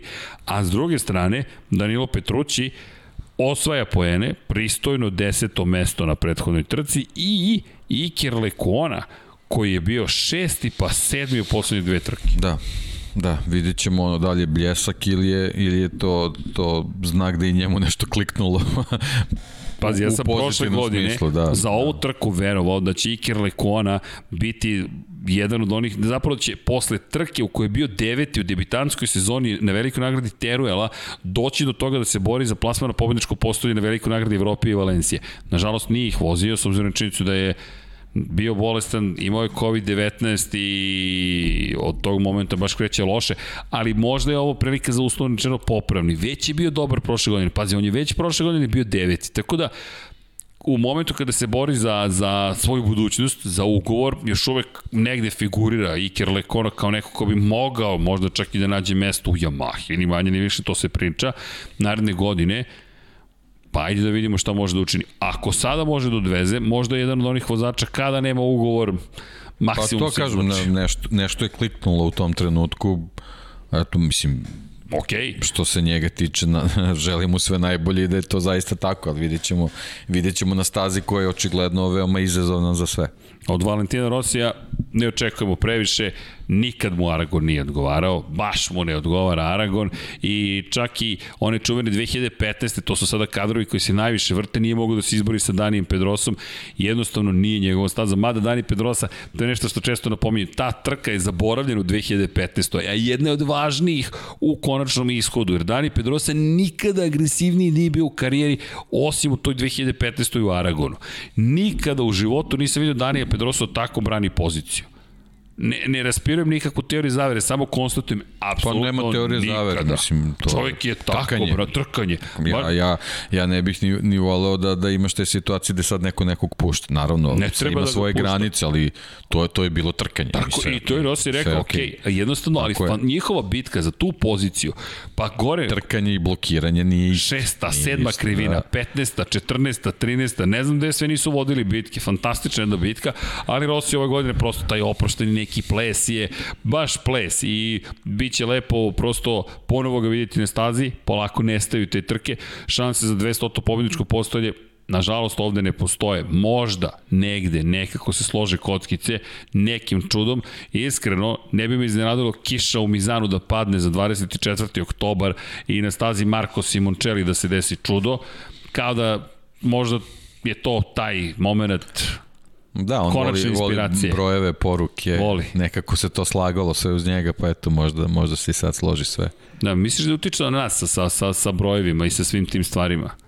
Ko zna. Ko zna. Ko zna, ali činjenica je da, da, da prosto uživajte dok Rossi vozi ukoliko ste, pa i njegov navijač ili ne, to je živa legenda, to je čovek koji je obeležio Moto Grand Prix, dok je to uživajte, prosto navijajte za njega ukoliko ste njegov navijač i ukoliko među vodećih 10 bude, to će biti dobar rezultat. Kako sada stvari stoje, to će zaista biti dobar rezultat, baš su se mnogo mučili, manje više svi vozači Yamahe osim Fabio Quartarara i da ne zaboravimo, Jake Dixon ostaje na motoru, pričalo se da će Ćavi Vjerhe dobiti šansu, ali deluje da je Jake Dixon tako dobar posao uradio, da su rekli da vidimo mi još jednu trku za Jakea Dixona.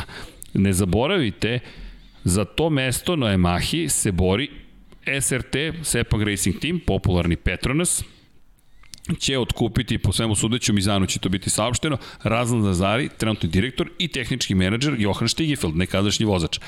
Zajedno će formirati novi tim, de facto naslednik ove ekipe, a Već sada Lin Jarvis, šef Yamahe, fabričke ekipe, govori da je to satelitski tim Yamahe. Dakle, sad se malo menjaju. Dobro su se setili. Dobro su se setili posle.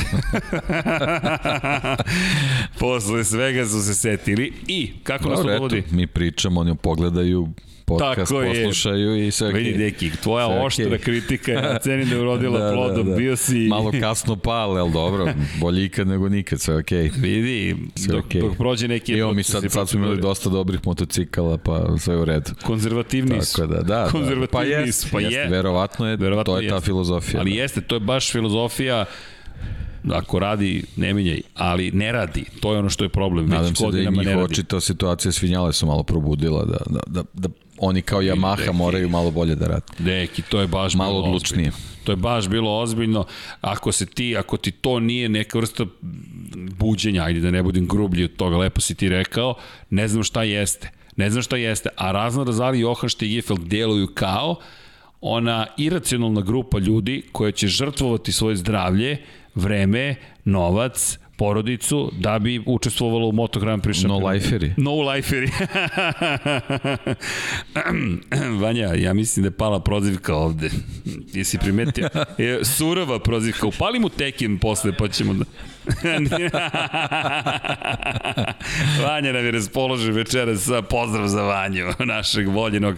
Ali da, da, e, ti ljudi, ti, ti što imaju svoj porok zvani Moto Grand Prix. Elem, ti poročni ljudi hoće satelitski tim po svaku cenu, nemaju glavnog sponzora, ali silno vole Moto Grand Prix. Lynn Jarvis priča o tome da Andrea Doviciozo dolazi u tu ekipu, to je velika stvar, VTU bi trebalo italijanski sponsor da bude privučen u ekipu i kako nas to dovodi do Jakea Dixona de par stvari. John McPhee prošle godine ima obećanje da ukoliko bude dovoljno dobar u šampionatu Moto3 kategorije, ide u Moto2 klasu.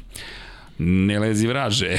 Elem, na polovini sezone, pa znaš, John, mi ćemo ipak da zadržimo Jakea Dixona. Britanac je, deluje da će dobro da vozi, sve je šareno, sve je divno, sve je krasno.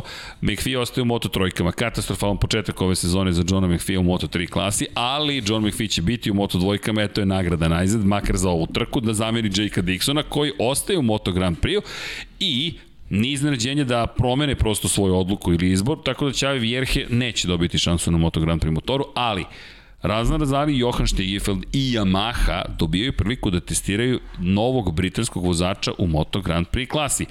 Mi trenutno, koliko izvini, imamo vozača Moto Grand Prix kategorije standardnih vozača, ne probnih. Apsolutno nema ni jednog. Karl Kračar je svojom penzijom zatvorio ozbiljno tržište Dorni, koja silno želi da dobije Britanca. Jake Dixon trenutno ima popločan put direktno do ugovora za celu sezonu. Da, Derin Binder, brat Breda Bindera, bi mogao da skoči iz Moto trojki, ali ja to ne vidim. Ja ne vidim da će Petronas sada reći imamo Britanca koji je bio brz na motoru, smeo se i zabavljao, bio neka vrsta zvezde, mi moramo da ga testiramo. Silverstone je drugačiji. To je domaći teren za Jakea Dixona, Aragon je već tehnički vrlo zahtevna staza, gotovo nemoguće za podešavanje, to što smo pričali, kompromis u setapu, katastrofa, Ako to uspe da, da savlada motocikl... Pa, ne bih išao dalje što se njega tiče reper moj Gerlof od prošle sezone. Koji Bravo, je menjao Rossi. zaboravio sam Gereta Gerlofa, pa makar i za dan, ali opet nešto ima. Nema veze, menjao nešto je. ima da, da, da može je, da, se, je. da se napravi reper kakav je u stvari Jake Dixon. Tako da... Postoji, da, sa kim da se pravi poređenje. Vrlo lepo, tako deki, hvala. Tako je. I Aragon je takav, prvih, prvih nekoliko krugova i ti, taj izlazak ti moraš da tu pokažeš svoj talent da snimiš šta je tu neophodno da se podesi da bi to bilo kako treba. Savršen test. I onda Yamaha SRT, što kažeš, izvini, Silverstone, to je njegova domaća staza, mislim, to, to, ti u stvari ne možeš da vidiš kako on sagledava situaciju na, na, na asfaltu. Pa ti imaš tu osmeh da, na licu po defaultu, jednostavno imaćeš osmeh na licu zato što si kod kuće. Britanci to žmurečki voze, tako Naravno. da to je, to je druga priča. Ovo je sad, ti dolaziš na test. stazu koju znaš, a u stvari nemaš pojma o njoj zato što si na nečemu što je diametralno suprotno svega što si do sada vozio. Savršen test. Da. Bukvalno savršen test. Tako da, logičan potez je, po, je povukla ekipa, ali lep pokazatelj kada dobijete bilo koju priliku, kako god delovala kao da je ograničena ili da je konačna, ko zna, ko zna, vi dajte sve od sebe. Jake Dixon je dao sve od sebe i moram ti reći da je mene kupio. Iako je dosta podbacio u Moto2 klasi ove godine, ovaj skok u Moto Grand Prix deluje vrlo ozbiljno. Pa tako da, eto, pratit ćemo ga na četvrtoj Yamahi, da vidimo šta može da učini. Inače, nekako kao da ne pričamo više o, o Yamahama iz te perspektive šta će se dešavati u Aragonu, ali nemojte zaboraviti da, da kada govorimo o Yamahi, glavna stvar zaista jeste Mizano. I taj dolazak Andreja Dovicioza i povratak Franka Morbidelli na stazu. Jedva čekam.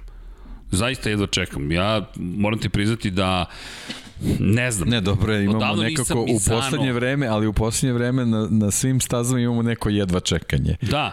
Sve se nešto dešava, ono, po, krenuli smo sa, sa Red Bull ringom i Pedrosom i na svakoj stazi imamo nešto, neki novi paketić, neki poklončić, ne, neko iznenađenje, nešto, to mi se baš sviđa, to mi je super. I znaš to ko I to je ono, nekako, e, ne znam da li je samo pohvala Dorn ili nekako i, i njima se otvaraju tako te neke situacije da iz trke, trke, trku I, i, i neki, ako postoji neki promil da nešto može da bude nezanimljivo, nešto se otvori da bude i zanimljivije nego što smo očekivali, tako da super. Ja, ali znaš, šta, znaš dok li mene to dovodi? do toga da će opet Fabio Quartararo da bude u senci tog događaja, jer sad kad dođe Mizano šta god učinio, mi ćemo opet pričati Rossi i Andrea Dovizioso zajedno u istoj ekipi. Razumeš, ne, jednostavno Fabio ne može da dođe do toga da bude glavna priča, ali činjenica ovi poklončići, kako si ih lepo nazvao, donose mnogo toga celom Moto Grand Prix. ok, inače u Monster Energy su Yamahi spremni za Aragon Rumble, kako su to nazvali, i da ne zaboravimo samo, nekako kao da se podrazumeva ko će tamo biti, Karl Crutchlow je ostao na, na fabričkom motoru, rekao inače da uživao u Silverstonu i generalno da iako je bio među poslednjima, da osjeća da je uradio dobar posao. Tako da čekate nove krugove na ovoj najnovije Ma dobro, i to smo pričali, ta, ta pozicija u današnjem Moto Grand Prix-u stvarno, stvarno ne govori mnogo. E, zaista, ne govori. Zaista. Nekada davno bismo rekli ko su ovi ljudi zašto se nalaze u Moto Grand Prix. Ti sada 18. si, koliko liko zaostati po 18 sekundi. Ok, nije to, tako, nije to toliko strašno. Inače, ako pričamo o Aragonu, samo da podsjetimo ko je bio na pobedničkom postolju te godine kada je upravo u Aragonu uspeo da se domogne svog prvog plasmana na pobedničko postolje, gospodin Aleš Espargaro. Nemoj zaboraviti da smo u toj situaciji mi imali na Ducatiju prvi put u svojoj karijeri i jedini put u, njegovoj, u svojoj karijeri Kala Kračlo. Aragon je bio njegovo mesto kada se popeo s Ducatija na pobedničko postolje, pozicija broj 3. Prosto trka koja je označila potpuno ludilu Ducatiju. Daš otkaz u Ducatiju i onda se popneš na pobedničko postolje u tom momentu mi pričamo o tome da su ostali bez Valentina Rosija dve godine ranije. Pričamo o tome da su oterali Casey Stonera. Pričamo o tome da nisu mogli s Kalom Krašom da nađu zajednički jezik. On je te godine na pola svog ugovora, to se isto zaboravlja, rekao je, odustajemo od godine broj 2 prosto odustajem od godine broj 2. Ducati je tada doživao prvi put da je vozač u sred sezone rekao ja da, neću to je baš da budem. nekako čudno odluku u njegovoj karijeri. Jeste. Ovako kad se pogleda. Znaš, ti si u fabričkom timu Ducatija i ono što je bila ironija, ako se setimo Australije te godine, inače Valentino Rossi je pobedio na toj trci, Marquez izletio sa staze, to je Marquezova bila godina, kada imao 10 pobeda u prvih 10 trka i Kal Kračov koji je na poziciji broj 2 i gledaš Kala Kračov i pričaš, pa ovaj čovjek ide na poziciju broj 2 na Ducatiju i on izleti tipa da li je u poslednjem ili predposlednjem krugu, ne sjeća se sada više tačno, u Australiji izleće sa staze. I završava posle tog trećeg mesta u Aragonu sa tri nezavršene trke i petom pozicijom u Valenciji. Ali opet bio je u Aragonu na pobedničkom postolju, čisto da ne zaboravimo taj moment. I nije tamo generalno imao loše trke, 9. 4. 6. 5. i tako dalje. Tako da, Karl Crutchlow u Aragonu, ko zna, može to da bude interesantno vrlo, ali da ne zaboravimo da će on biti tu. I da, eto, broj 35 je ponovo tu. Ako već spominjamo... I ono, samo, malo je možda u boljoj formi pa, i tako sad, dalje. četvrta trka je da, već da. pred njim, druga trka na ovom motoru, vozio dve trke sa starim motorom Franka Morbidelija i samo da dodam da John McPhee ide u Moto dvojke, što je naravno fenomenalna prilika. Gasi se ta ekipa naredne godine, SRT ne ostaje u Moto2 klasi, ne ostaje u Moto3, Petros kao sponsor odlazi iz sporta, vratit će se, budite sigurni. Ja sam siguran da će se vratiti u jednom momentu. I Seri Fudin Azman dolazi u Moto3 klasu, da ne zaboravimo. Od malezijskog programa trkanja se odustaje, ali Malezija, Covid, to su ozbiljni problemi, tako da to je morate da smanjite u nekoj situaciji troškove, ali kažem, pratit ćemo i dalje, Azman će voziti u Moto3 klasi, eto čisto da ne zaboravimo ko je sve zapravo dobio priliku zahvaljujući ovim rokadama i pomeranjima u Moto Grand Prix. Eto, Dixon i Kračol, opet dva Britanca, ono što je neverovatno, u Mizanu više neće biti ni jednog Britanca na stazi i zato je to Dobro, to smo znali. Važno. Tako, znali, znali smo. To, to je, kad, su kren, smo. kad smo krenuli tu priču, rečeno je koliko će traje. Ali imamo dva Italijana da, umesto da, dvojice da, Britanaca da, da. u Mizanu. Da nemoj da najavljamo Mizano, već bih ja skočio tamo, još da. staza Marko Simoncelli i cela priča, ali da, da se vratimo mi u Aragon. Da li smo propustili nekoga u celoj ovoj priči kada je reč o, o Moto Grand Prix? Pa Ducatije. Pa, ove momke. To sam te ti kažem. Da. Eneo Bastianini, osmeh je na licu, to znači da. došao beštija time. Da.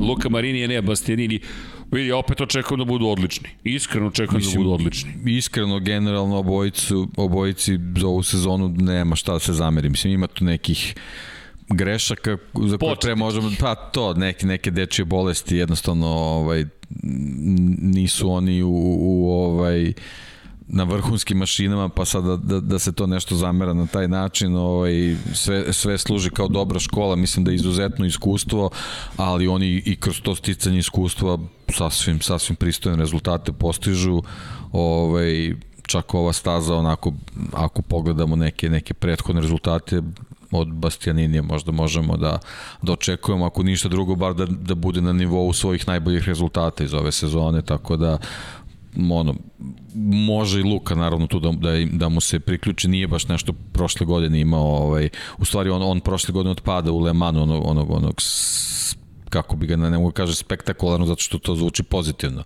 Nije pozitivno, nego onaj, onaj katastrofalan pad ovaj kao kao i i i Kvartararu u, u, u ovaj Aragonu tako i i Marinijevu u Le Manu njemu poremetio praktično čitavu, čitavu sezonu i ispostavi se da je zbog toga i on kasnije ovaj, ispo iste, iste ovaj, borbe za titulu pre svega sa, sa Bastianinijem. Tako da i što se njega tiče ovaj, eto, ovo mu je prilika da, da ostavi bolji utisak u Aragonu tako da sve, sve vuče na, na tu neku motivaciju vozača, a rekli smo ako već u teoriji na papiru Ducati ovaj, trebaju da budu dobri, mislim da mogu da budu i dobri Ducati koji nisu najnovije specifikacije, mislim da to ovde ne bi trebalo da bude ovaj, sad neki toliki ograničavajući faktor, pre svega zato što njih, njih ne očekujemo sad u borbi za baš najviši plasman, ali, ali za, za neke onako pristojne poene, zašto da ne? Manje su mi nepoznanice od KTM. Vidi, ja mislim da ja očekujem Bastianini u Q2. Ja iskreno misleći da, da je moj cilj pa Q2. tu je, Znaš, to, to je to. Dlake mu fale. Da, da, da, da, da, biti, da, ne, ovog puta da. ste moji i mislim da. da veterani treba da ga se čuvaju, da, je, da, da baš radi na tome, ne, ne, ja ću sada da vam pokažem da ja zaslužujem da budem u Q2 deo. Jer kada pogledaš njega i koliko je ono zbiljnosti zapravo pristupio prethodnoj trci u kontekstu to te bitke za ulazak u Q2. Dobro, jedino baš drugačije staza.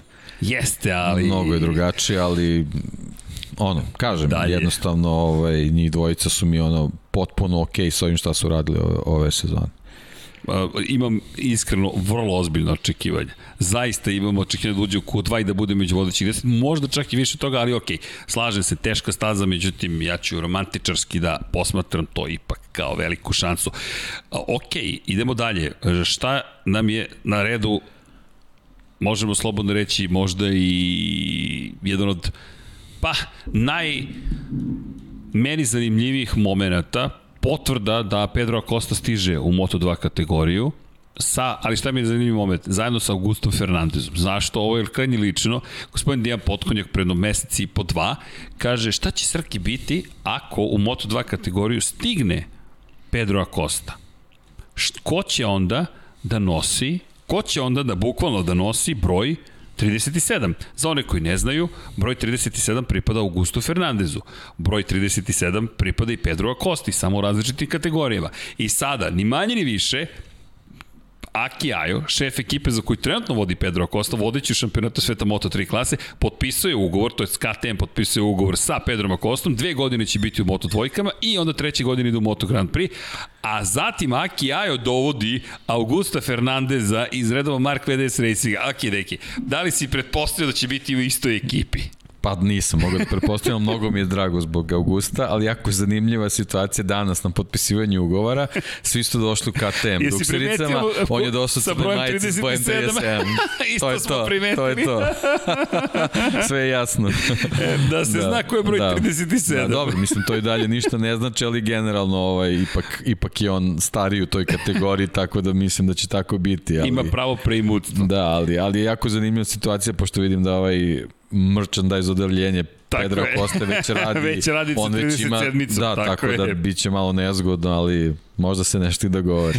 To je najmanji problem. To je najmanji problem, mislim, ovaj, ja, ja sam ponavljam sto puta, ove sezone stvarno od Mark VDS-a ovaj, očekivao obojica vozača da budu o, ovaj o, baš u borbi za titul onako onako bespoštedno i međutim eto nekako se ispostavilo da da Semi onako krenuo, bljesnuo, nestao, Augusto onako kao kao i prošle sezone nekako ima ima tu, tu taj neki spori napredak. Mora, to mora da, da, da bude onako malo agresivniji, ali ja verujem eto i izbor, izbor AJO ekipe da on, oni su stvarno pokazali da, da, da vrhunske rade sa, sa, sa tim vozačima od kojih očekuju ovaj, iste takve i, i rezultate, tako da mislim da ovaj izbor nije slučajan da baš on bude timski kolega Pedro Kosti. Da, pa nije, nije, nije, nije apsolutno to, to što smo videli i prošle godine i prethodnih godina generalno koji potencijal postoji, ali kao da traži prosto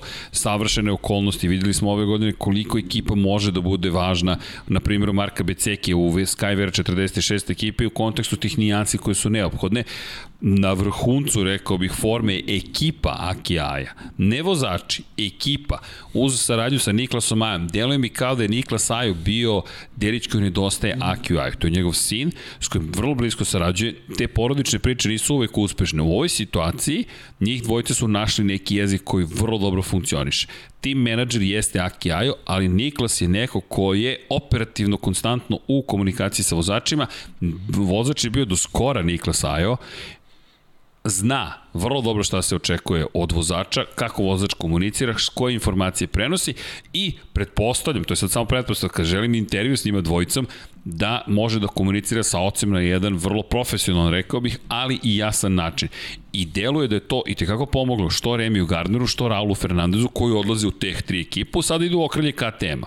Koliko god iste bole, boje bile i pisalo KTM, Aki je zadužen za program juniorski, fabrički tim KTM-a, vodi Moto Grand Prix mašineriju. A idu u Tech 3 kod RVA Ponšarala, francuskog menadžera koji drži ceo tim u Moto Trojkama i u Moto Grand Prix-u ali KTM tu vodi jednu od većih reči, to je fabrički tim takođe KTM-a. Tako da, meni to najzanimljivija bila priča o Moto dvojkama, što negde i rekao bih da implicira stanje u šampionatu sveta. Volao bih da vam kažem kako je sve potpuno otvoreno, ali Remy Gardner ima 44 poena prednosti posle jedne fantastične, briljantne pobjede u Velikoj Britaniji i pada Raula Fernandeza. Fernandez je među vremenu ponovo pao, ovoga puta sa bicikla. Ta povreda, koliko god da je mala, je i dalje povreda. U Moto2 klasi, evo teki već odmahuje glavu, gubitak delića sekunde je ogromna stvar. Pri čemu Marko Beceki je u naletu. 8 pojena samo ima manje od Raula Fernandeza i ako ne može do titule, budite sigurni da će hteti da bude vice šampion i da će hteti da bude što je bliže moguće Remiju Gardneru. Mislim da je u ozbiljnim problemima Raul Fernandez, što Remiju Gardneru otvara jednu sjajnu priliku da u završnici sezone dođe do relativno mirnog kraja titul, borbe za titulu, pri čemu ima Vejna Gardnera u svom ćošku, to je čovek koji je svoj titulu Moto Grand Prix klasi pre nego što se tako zvalo 500 kubika, 1987. prvi australijanac koji je svoj titulu na najčoj klasi i ako im može da vas savjetuje neko, to je onda Vejn, kako da ostaneš priseban. Pa ne, on je već pokazao da, da, da, je, da je ovladao tom veštinom, ali vratio bi se samo na, na tu situaciju sa Raulom. Uh, ovo je staza gde iz svega što smo navili, jednostavno moraš da budeš maksimalno fizički spreman. Ja se zaista nadam da, da, da ovaj problem koji je imao sa, sa, sa padom neće toliko uticati, ali opet sa druge strane bit će mi potpuno jasno ako bude tako. Ovo što, što jednostavno ono, govori da, da ovo, a, ako nešto mu nije trebalo u ove sezone, on to je u ovom trenutku to je, to je taj pad i ta operacija. S druge strane, Beceki, ja sam to pričao u jednom od prethodnih podcasta kad smo spominjali Aragon, ovaj, on je mene prošle godine oduševio načinom kako je vozio na stazi do trenutka dok mu se nije sklopio prednji, prednji deo i jednostavno sam ga video kao, kao, kao pobednik u toj, toj prvoj trci, njemu je onda posle toga opet sve krenulo uh, nizbrdo, a na, a na ruku je ne i Bastianiniju. Tako da, ovaj, uh, ne znam, mislim da, da, da Gardner i Beceki su ti koji, koji će, će i ovde, ovde voditi borbu, s tim što ja uvek i u svakoj trci Mark VDS stavljam stavljam ovaj Ili ti Augusta Fernandeza. Pa da, ali ali mislim mislim da da Sema ni u jednom trenutku ne smemo da da, da zaboravimo, ali jednostavno sve to što mu se dešava to je to je pre svega njegova nje, njegova priroda, njegov mentalitet. Ali prošle on, godine on ako ako ako ako sa sa Uh, ne, ne znam kako bi to nazvao, ako, ako sa, to, sa tom nekom, nekom željom i tom vrhunskom koncentracijom s, ko, s kojom može da uđe u trkački vikend, ako takav se pojavi, on, on, on može da bude nepobediv. Međutim, ove godine smo videli da da, da je onaj, onaj negativni Sam ponovo pobedio. Da, ali te ne treba ali ne smemo da ih zaboravimo. Nikako. Da, ali ne smemo da se zaboravi još jedna stvar, a to je da je pre prošle godine pobedio i u jednoj i u drugoj trci u Aragonu Sam Lowe's. To je bio period kada on zabeleži tri pobjede za redom. I naravno, ne vreci, to ne smemo ne da vreci. zaboravimo. da. Ja. ja. Ne, ne. Vojca. Deki, da. zarazio si mi virusom, to ne smemo da, da zaboravimo.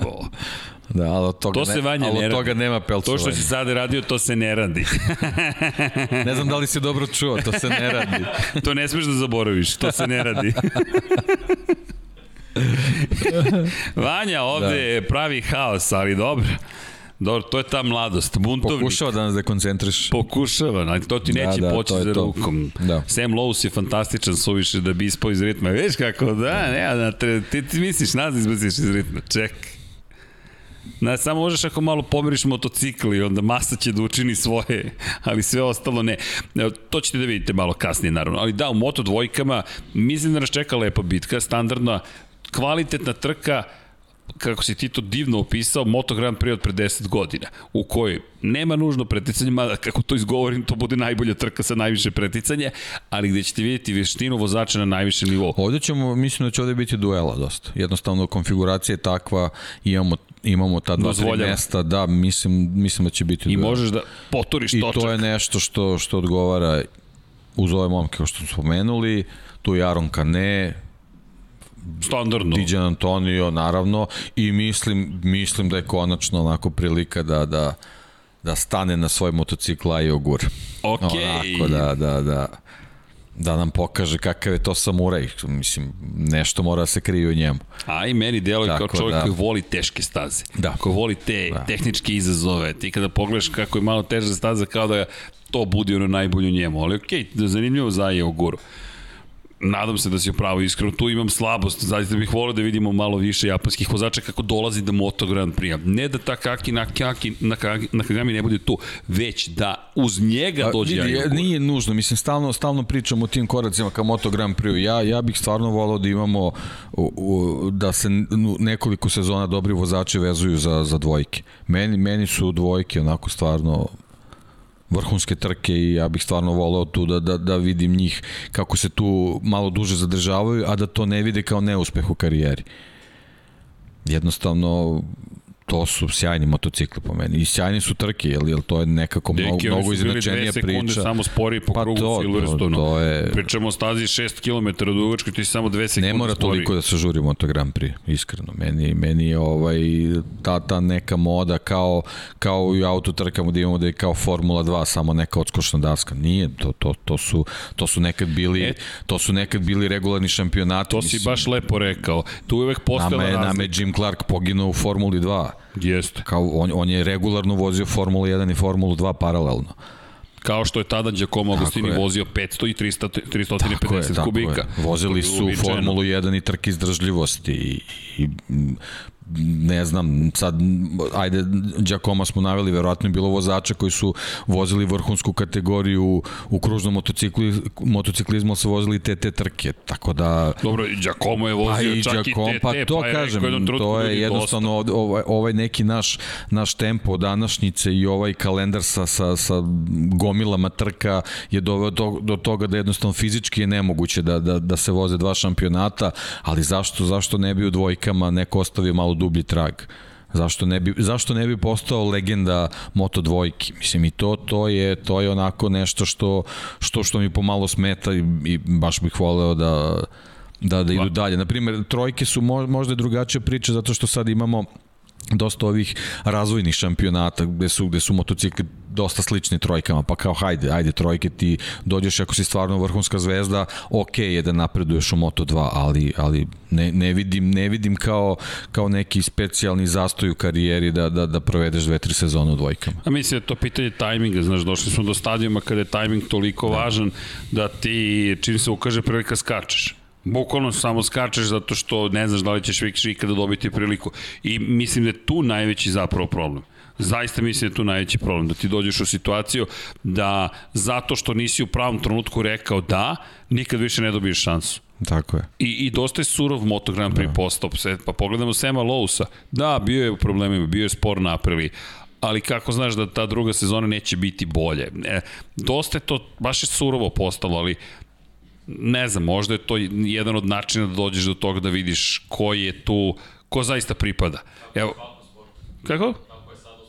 Pa da, pa svaki da, sport, da, što da, kaže Vanja. Da. tome pričamo i 99 yardi. Često quarterback pre 20 godina je bio miran kad dobije poziciju quarterbacka. Imaš 3 do 4 godine da se razvijaš. Sada, posle prve sezone, trade, ajmo, menjaj ekipu, menjaj sve, franšiza i takozvani rebuild. Samo pričamo o rebuildingu, ja kažem ljudi, kad ćete da stanete da taj rebuild završite? Nikad, ti stalno rebuilduješ, rebuilduješ, rebuilduješ, sa nadom da ćeš u prvoj i drugoj sezoni već imati o to je to. Sad mi skupljamo plodove našeg rada. Kog rada niste stigli ni da radite u suštini i stalno menjaš. Trener, asistent trenera, ofazivni koordinator, defazivni. U ovom sportu, ajmo menjamo odmah brzo da, je. Pa to ti je ono sa košarkom, znaš, kao najbolji si igrač Evrolige, kao, a šta nisi prošao NBA? Za, zašto mora tako, znaš, ni, ni to mi ovaj, znaš, svako, svako treba da pronađe mesto gde, gde može svoje najbolje kvalitete da iskaže, tako da, ovaj, a, a to, mi je, to mi je nekako situacija sa Moto dvojkama koje meni onako stvarno, stvarno super šampionat i ekstra zanimljiv za gledanje.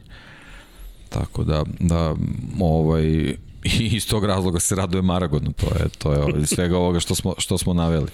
Ne batimo, imamo, imamo, imamo, ja da, da. čekam proti kažem da bacimo pogled iz, na stazu iz perspektive vožnje.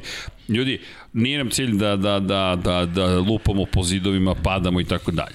To je lepa zabava, ali nam je cilj stvarno da unapredimo vremena i da dođemo do stadijuma da zaista vozimo trki, takmičimo se zašto.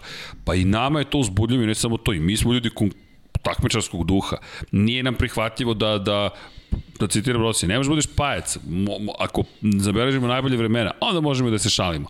Ali prvo moramo da nas zabeležimo neka ozbiljna vremena. I da, to podrazumeva trening no liferi, jel te, na kvadrat postajemo, ali dobro, zabavno je, makar ako ništa drugo. Radimo nešto što volimo, ali cilj nam zaista jeste da zahvaljujući tome što imamo priliku da vozimo neke od staza u virtualnom svetu, na ovaj način, mada je to Formula 1 mnogo približnije nego ovo što su Moto Grand Prix. Ovo nema veze sa, ni sa kočenjem, ni sa skretanjem Moto Grand. Ovo ljudi, nikakve veze. Kočite tako što sve češće ponavljate kočenje zapravo. Ne držite kočnicu, nego klik, klik, klik, klik, klik, klik, klik, klik, klik, i onda skrenete u, u levo ili desno.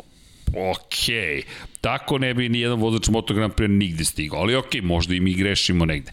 No, da se vratimo na ovu priču, da vidite kakva je staza i zašto toliko je naslov savršen, kome zapravo odgovara Aragon, nemamo pojma. Znamo da čak ni Pedro Acosti prošle godine nije odgovarao, koji je dominirao Red Bullom kupom Novajlija, Red Bullovim kupom Novajlija i to nas dovodi do Moto3 kategorije, gde Pedro Acosta ima 46 pojena prednosti, dva više u odnosu na prednost koju posjeduje Remy Gardner u Moto dvojkama, ali ponestaje trka Sergio Garcia, ponestaje trka I ukoliko se ne pojavi Romano Fenati nekim čudom u celoj priči koji zabeleži prvu pobedu ove sezone 13 u karijeri, Pedro Acosta ima, ima zaista ozbiljan put napred. Međutim, Aragon je ozbiljan test. Ovde je prvu i veliku grešku napravio prošle sezone, to je mana, ali je prednost što poznaje Aragon. A kada poznaje staze iz prethodnih kategorija, obično je u samom vrhu. I Aragon opet enigmatičan je. Enigmatičan, enigmatičan. i sad, eto opet ne, neka, neka slika od prošle godine, ako želi da, da ovaj, prednost zadrži ili da je eventualno poveća, na svaki način mora da izbegne kilometarsku zmiju na kilometarskom pravcu. A znamo prošle godine kako je bilo. Znači, bukvalno do, do, do ovaj, do poslednjeg kruga i, i do poslednje dve, tri krivine nismo mogli da pretpostavimo ko će pobeti. Da, i Tako da, a, a primetili smo da ove godine, ako osta u tim situacijama kad su u poslednjem krugu, kako to da kažem, razbija zmija i, i, i, i dobijamo dvojicu, trojicu ovaj, u, u poslednjim krivinama kao pobednike, da, da, da nije, nije svaki put najbolje tu situaciju odradio, sad možda mora malo da promeni taktiku i da proba da on bude taj koji će pobegne pa taman i bio Garcia koji će ga pratiti. To će biti težak posao. Kao što, kao što su radili na, na prvom Red Bullu. A prošle godine. Na Red Bull ringu. Trka broj 1 u Aragonu u 4 desetinki 7 vozača. Pobednik Jaume Masija, drugi Derin Binder 91 hiljatinka za ostatka, treći Raul Fernandez desetinku i 96 hiljaditih delova sekundi za, delova sekundi za ostatka, Romano Fenati pozicija 4, 3 desetinki 27 hiljatinki, izvinjam se, John McPhee 3 desetinki 68 hiljatinki, Jeremy Alcoba 3 desetinki 85 hiljatinki, Albert Arenas 3 desetinki 96 hiljatinki. To je prvih sedam vozača u arena četiri su se, U Arena se tu ozbiljno zabrinu za titulu. Jeste. Sećaš se, on nije mogao od šestog mesta da se probije nikako. Ne, ne, ne. Nikako. Ne, nije postojala šansa da, da, da, da se probije napred. Bukvalno zaglavljen. E, to je, to je ono što, što Akosta mora da, da proba da izbegne ovog puta. I ono što je njegova sreća bila da je Ogura imao katastrofalnu trku. Bio 14 što se Agura... Pa ne, obo, bukvalno su obojica o, bila u problemu u Aragonu. I iz te perspektive sreće za Alberta Renesa, ali opet, sedam vozača u četiri desetinke. Neverovatna trka. I Jaume Maso je koji zabeležio sjajnu pobedu u to vreme za Leopard Racing na da. Hondi. Pogledaš trku broj 2. Je li to bila jubilarna pobeda?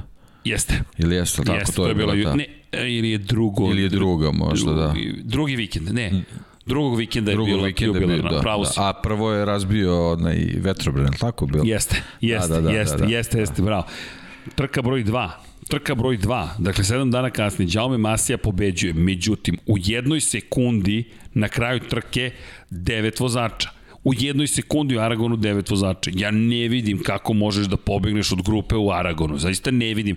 Ti imaš taj kilometar pozadi, i haos, jer stalno se pretiču, stalno se pretiču, stalno se pretiču i niko ne dozvoljava da uđeš u ritam, niko ti ne dozvoljava da uđeš u tempo.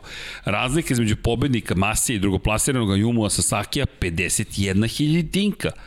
Treće plasirani Kaito Toba, desetinka i 52 hiljitinke. Albert Arenas, 296 za ostatka, lakše mi je tako da pretinu. Celestino Vieti, 331. John McPhee, 372. Denis Onđu, 583. Derin Binder, 772. I Ayo Gura, 955.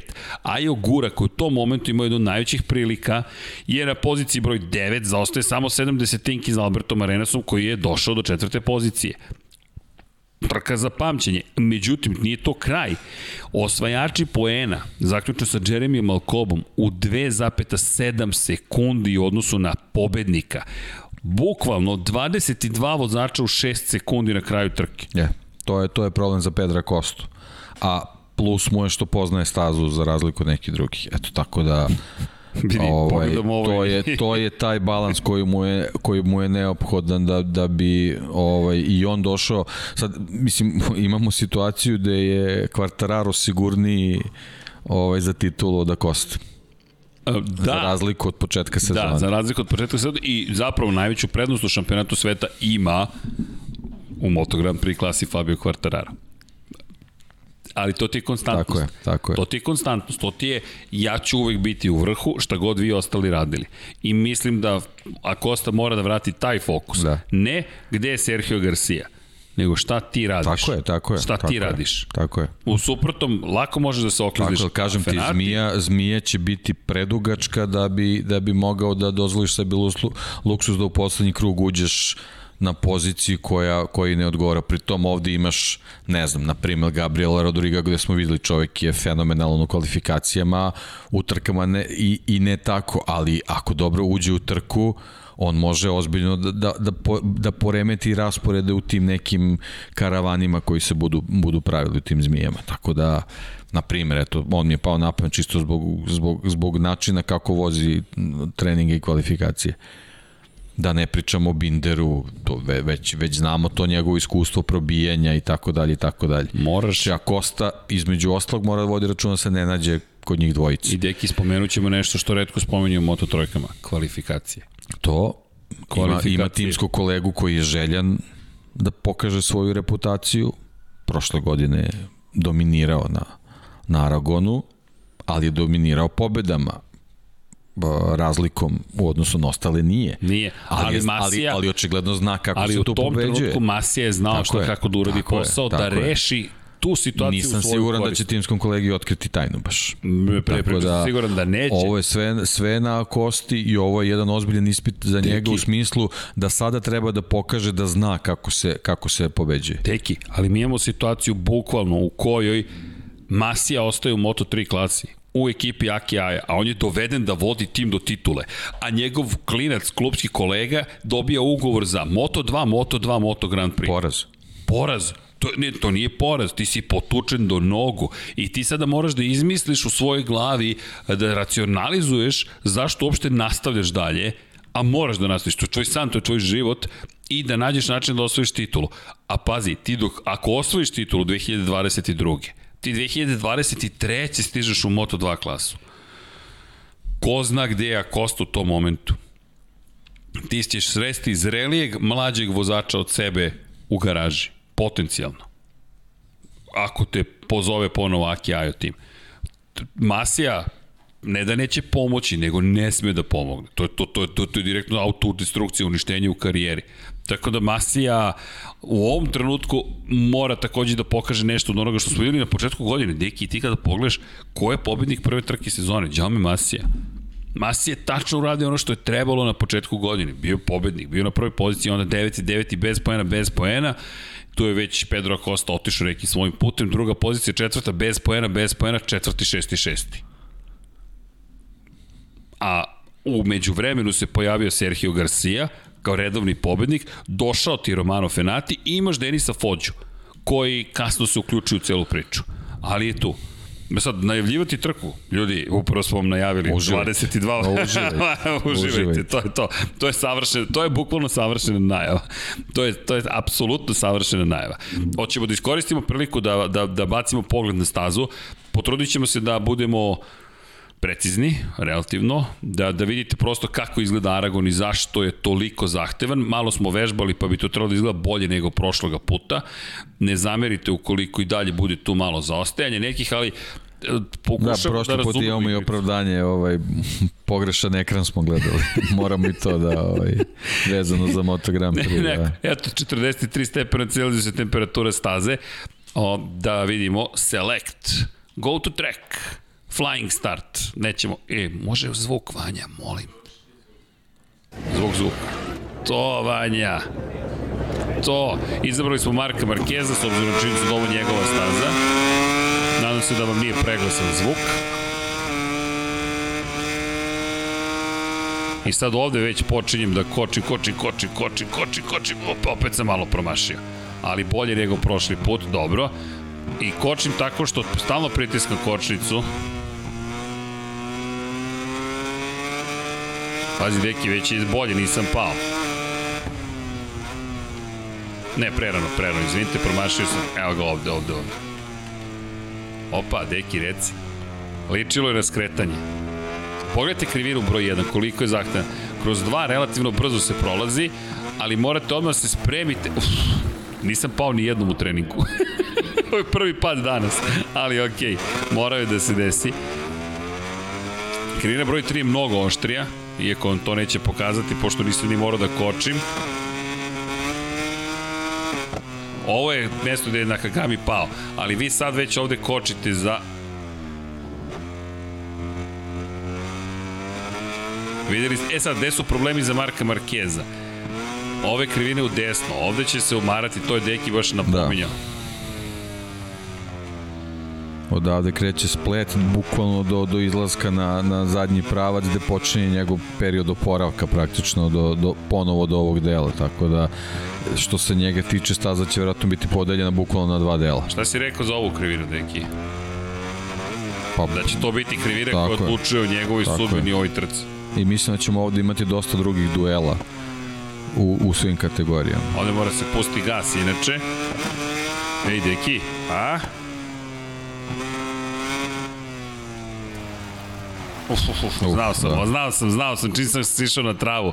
Ali sad ne brinem, zato što sad, već, sad sam već počeo da razumevam igricu. Ne, ne, ne, samo polako, sad ćemo mi to. Veliki ne, ovaj problem je to kočenje, zaista, da, da. baš je neprirodno. Ova krivina je mnogo brža od ove krivine koja sledi. Možda je stvar malo do setovanja igrice, ja se nisam baš tim da, bavio. Da, nismo setovali ovaj, uopšte da, motocikle. Da, da, da, ali da. okej, okay, već ovo počinje ljudi da liči na neki krug, polako. Tako sam zadovoljni. I ovo je taj čuveni izlaz na zadnji pravac. Obratite pažnju na ovaj zadnji pravac. I to iz niskih stepena prenosa, bez obzira na moju grešku i lošu vožnju. Ovo traje. Imate pistu poletnu, bukvalno, znači imate tamo uzbrdicu.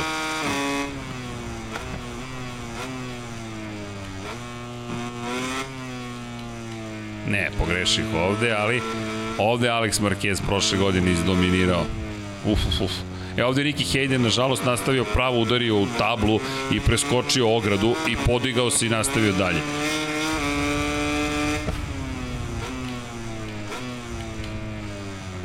Deki, jesi ponosan na mene? Ma, uživam, uživam. Pazi, ovo počinje da liči zapravo na neku vožnju. Druga krivina koja će biti jako bitna zbog desne strane gume koja će biti možda hladna. Ovaj, I te simetrične srednje tvrde tako gume. Tako je, tako je. Nemojte zaboraviti te simetrične srednje tvrde gume. Mnogo, mnogo detalja na Aragonu o kojima mora se vodi računa i bukvalno kroz svaki krug, na, na, na, na svakom segmentu, kod svake krivine, mnogo elemenata o kojima mora da, da se razmišlja.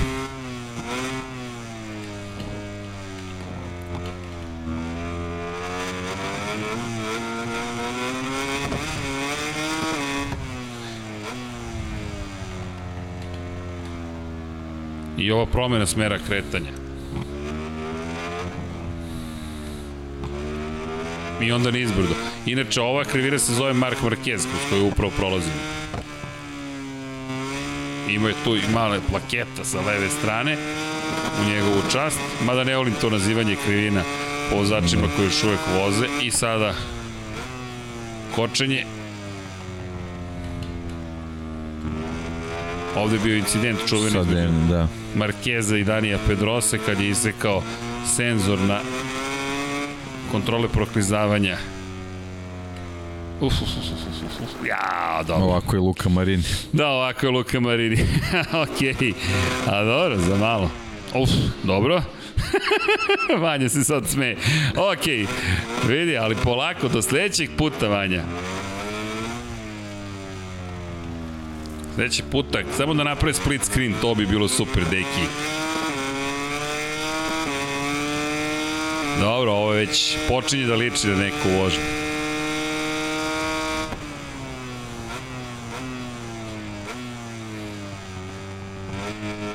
Malo sam požurio. Ovde ne sam siđem na zelenu površinu. E, ja, sad će mi poništi dobro. Kako sam to rekao? Kako sam to rekao, tako se sve završilo. Opa! I to bi bio krug Aragona. U, ne, ovde sam sad baš pogrešio, ali dobro. Pre nego što izletim, uh, end session. Hvala, Vanja. ok, ej, čekaj, ovo je bilo sad već bolje malo, a, deki? No, do nove čekaj, godine do nove smo godine. super, da. Opa, da. 2.22, 3.1.0. Ok, 2.22, 3.1.0. Biće to bolje. Pazi, sektor 1 što sam unapredio, 38 sekundi, reci. Vjerojatno se neko dete sada negde smeje i kaže, bože, zašto ovi ljudi koriste uopšte PlayStation 5 i MotoGP 21? Zato što, kada imate 17, 16, 14, 13 i 12 godina, morate mamu i tatu da pitate za sve te lepe stvari. Kada imate 45 plus, imate para, nemate sposobnosti. I to je tako. I tako da, a nemate ni vremena, deca, to vam je čuveni kompromis. Tako da uživajte dok ste u srednjoj školi, osnovnoj fakultetu, učite, to je dobra taktika učenja, nemojte da vas mrzi da učite zašto. Ispunite očekivanja roditelja, dobijete dobre ocene i onda se igrate. Prosto to je neka pobednička strategija. Kompromis Dok ste još u kondiciji. Stabilnosti i agilnosti. dok ste još u kondiciji, ne, opet ti na tu stranu, ali dobro. Da, nadam se da ste uživali, eto, nadam se da smo se malo poboljšali u odnosu na prethodnu Nadam se da ste lepo nasmijali, sve je okej, okay. to, o tome služi. Tako naravno. je, to, to tome služi. da, udrite like, udrite subscribe, evo, jedan subscribe zato što smo bili ovako precizniji u odnosu na prethodnu nedelju, like svakako uvijek dobro dođe. I naravno pitanje, i deki, prođe dva sata, kad prođe dva sata, a to nam se dešava, prošli put smo pričali, kad je prošlo ovo vreme, ne znam kada je prošlo, i svaki put se pitam, čekaj, imamo najavu trke, pa da li ima dovoljno zanimljivih momenta da kreneš da pričaš o Moto Grand Prix? Pa da, ne, Aragon je jednostavno takva staza i to je to, to je sjajno, da. Da, eto, šta, kako? A Vanja dodaje još 62 e, za 10.000. Čekaj Vanja, ali mi to slavimo večeras? Ne veruješ? Dobro. Petak. Petak? Pa četvrtak. Da, evo ljudi, udrite like, udrite subscribe i tako dalje. Ali hvala u svakom slučaju za podršku zabavno je, nama je prosto zabavno, evo, čak smo došli do toga da igramo igrice profesionalno, to je dobro, moram mami da javim, da li vidiš mama dok je dete doguralo, da, e, mama javi se ako si u četu ponovo, je, tako, krug 2 sata i 15 minuta. Uspeo sam da završim krug, molim vas. Srđan Martinator Erceg izmislio vožnju novog prvog sektora, eto, vidiš. Bolje ti ide F1 Srki, nisi ti za motore New Star. Polako New Star, to je izazov. Ali da, formula, formula, ali znate šta, volan, pedale i tako dalje. Ne, ovo ne mogu da pohvatam.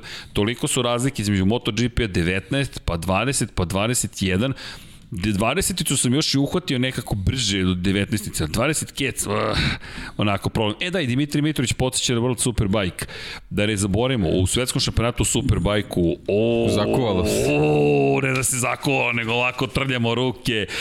I, par stvari, Tito Rabat napušta svetski šampionat u Superbajku. Dosta mu je. Dosta da. mu je svega nažalost, ali nikad se nije suštinski oporavio do onog incidenta iz Silverstona 2018. Štet, štet. Da, velika da, štet. štet. Veliki radnik, divan čovek. Ljudi, to je multimilioner koji voli da vozi trke i bio je šampion sveta Moto2 kategorije. Ne da skidam kapu, nego ljudi, ogromno poštovanje nije Tito bio toliko talentovan koliko drugi vozači u njegovoj generaciji, ali Tito Rabat zimi vozi motocross, zimi vozi motore, Tito Rabat ne silazi s motocikla, njegova porodica je jedna od bogatijih u Španiji.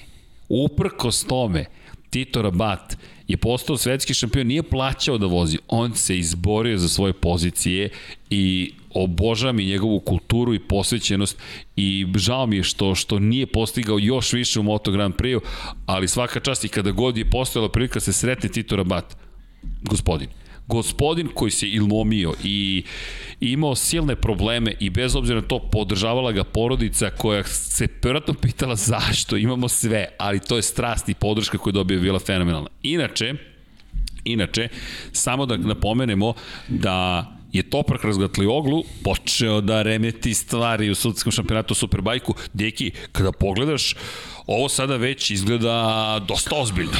Pa vidi, čovek je mislim, suštinski pobedio na sve tri trke. Da, suštinski. To je onako stvarno... Da napomenem, da. u trci za su, Superpol, Superpol, Superpol. najmanje bitna trka, najmanje da tako nazovemo. da, da, ali ok, nagazio belu, zelenu liniju.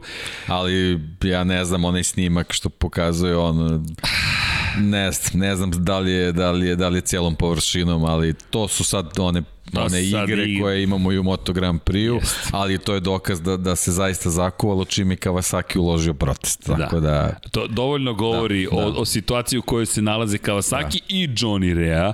Jonathan Rea koji je sjajno vozio, ali prva, u prvoj trci pobjeda za razgatli oglua, u drugoj trci prvi prolazi kroz cilj, ali je drugi. Pobjeda u trećoj trci i imamo onda obrnutu situaciju kod Reje. Drugi, prvi, drugi. Razlika u poenima, 7 bodova u ovom momentu u šampionatu sveta. Njih dvojica ne silaze s pobjedničkog postolja. U poslednjih 8 trka njih dvojica dele pobjedničko postolje. Da je Johnny završio prvu trku u Češkoj, to je to. Mislim da je 5 bodova sad kad se, kad se obrnu ove pobjede. Možda sam ja pogrešio. Ja mislim, mislim da, da, da, mislim da, da je pogled. da četiri, sad ću vidim samo, uh, samo sekund. Sad si me zbunio, ali to se barem brzo rešava. 401, 396, ja mislim. Da, upravo da, sad, da, da, ti si možda pogledao pre pre pre pre pre, pre, pre oduzimanja ovaj pre, pre, pre. to jest pre zamene mesta da da da Ali čekaj, čekaj da vidimo. 300, čekaj, sad si me zbunio. Ajde, pogledaj 370 razgatliogu, 363 Johnny Rea. 401, 396. Možda gledaš neki prethodni, znači posle francuski. Posle francuski. Evo, deki, zvanični web sajt. Dejan Potkonjak u budućnosti ne znam, je... Ne znam, ja, Čekaj, ja, gde da. gledaš? Ovo je zvanični sajt. Da. Sad si me skroz World zbunio. Superbike 2021, Francuska, Rea Jonathan 401, Razglatiolu Toprak 396, Scott Redding 325. Ma čekaj, Nešto čekaj. ne gledamo isto. Vidi, ovo je... da, da. Ovo je... Čekaj, sad, se, sad si me skroz zbunio. Izvinite, imamo ovde čudnu situaciju. Evo, pogledaj, deki, ovo je World Superbike website. Jel ti gledaš koliko, budućnost? Koliko, ima, koliko pobjede ima? Koliko Toprak. pobjeda? Toprak 8 pobjeda. 9 Johnny Rea. La, la, la, 2, 3, 4, 5, 6, kod mene Toprak ima 7. Ne, imam 8. to nemam čekaj, pojma. Onda ne gledamo čekajte, dobro. Čekajte, ljudi, pomoći. Ne, ja imam, ja imam ovaj neki Hondin, HRC, ovaj sajt, čekaj, čekaj. Njima, njih ovo ne zanima, da. Sad si me skroz... Jao, super, super, Znaš koliko si me zbunio? Ok, ali e, možda znate unapred šta će biti sutra. World Standings, World Superbike 2021. Uh, ok, vidi, ovo je zvanični sajt da, svetskog šampionatu Superbike. Super. Ok, ne znamo Nema ko... veze, meni se ovo više sviđa. Pet bodova je prednost Johnny. ne, ne, dakle, razgati da... Oglu ima sedam pojena da. prednosti. A pa ne znam onda. vidi, čekaj, sad si izbunio. Ajmo da vidimo još neki izbor. Kod mene Rea vodi. Ne, evo, čekaj. Evo, da. Ma HRC laže ko. Čekaj, sad radi, si me skroz zbunio. Manji kur je poslednja trka, Tako 370. Evo, Wikipedia isto ima, to je drugi izvor, ali prvi izvor je uvek svetski šampionat. I kaže, Slažem se, ma apsolutno Čekajte, se slažem. ljudi, šta vi kažete, ko vodi u šampionatu sveta u Superbajku?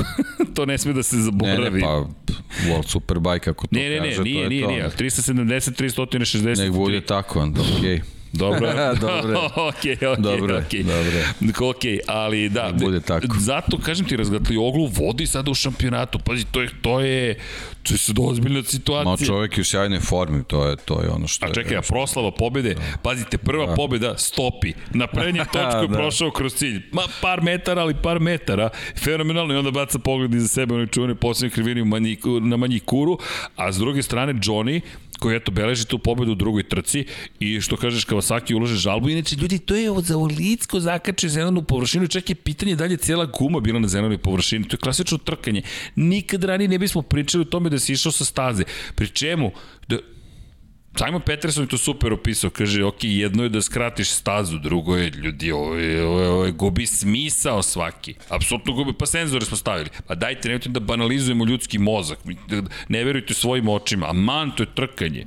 To moraju da menjaju pod hitno, zato što uništavaju sobstveni sport. Potpuno je suludo, ok, pravila su pravila, ali su po loše napisana.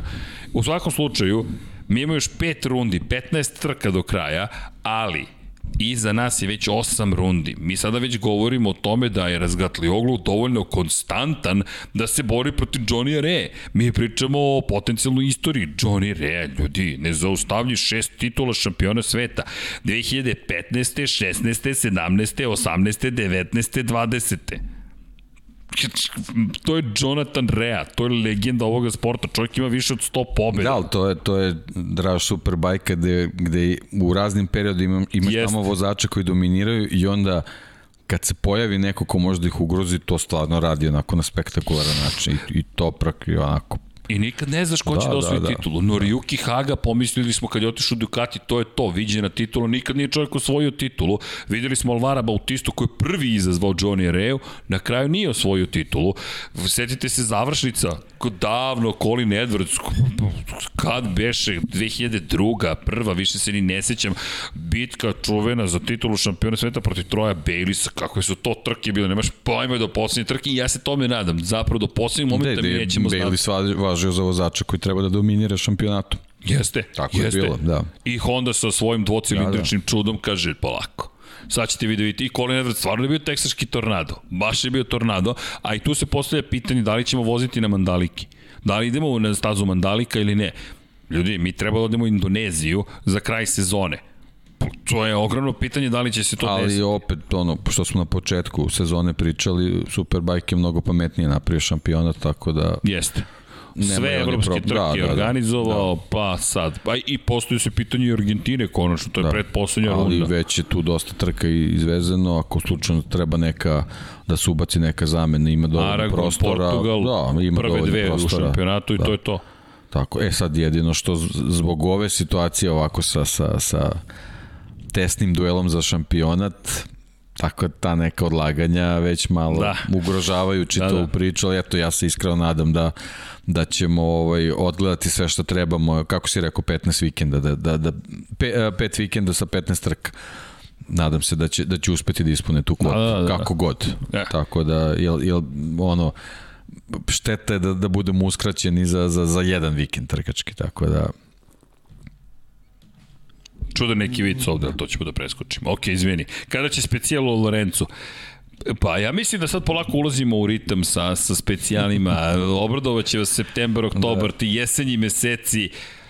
Sledeće, neke, sledeće nedelje imamo neki, neki specijal. Pa bit će nešto. Nešto će da nešto bude. Ćemo da ja bih pratio, da. ja bih na vaše mesto sledeću nedelju sa posebnim interesovanjem pratio. E, imamo pitanje za visinu 180 cm, da li je dosta L ili mora XL majica? Huh, to je teško pitanje, ali evo Vanja kaže L. Sad čujte, zavisite da li kupujete model sa stomakom ili bez stomaka. stomaka. Ej, da, nismo se pohvalili, počeli smo da prodajemo i prvu knjigu. FIM MotoGP Results 2021. edition takozvano. Uh, to je jedna posebna priča, ali to ćemo da mi ispričamo. Inače, cena mora da bude koju vidite na, na, na, na sajtu. To je zahtev izdavača.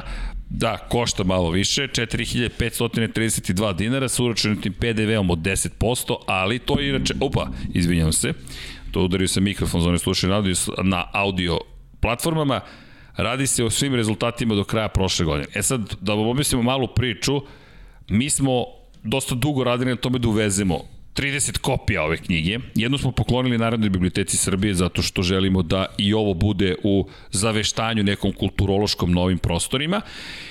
I to se prodaje. Ko želi ovu knjigu, eto može da je kupi. Da li ćemo biti u minusu, gotovo izvesno, ali smo u plusu zašto? Iz nekoliko razloga. Naučili smo kako se uvoze knjige.